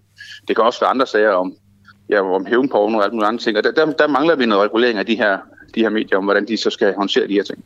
Okay, Dennis Flytkær, medieordfører for Dansk Folkeparti, øh, til spørgsmål om, hvorvidt Donald Trump skal tilbage på Twitter, hvis det står til dig, så lyder det til, at svaret det er ja.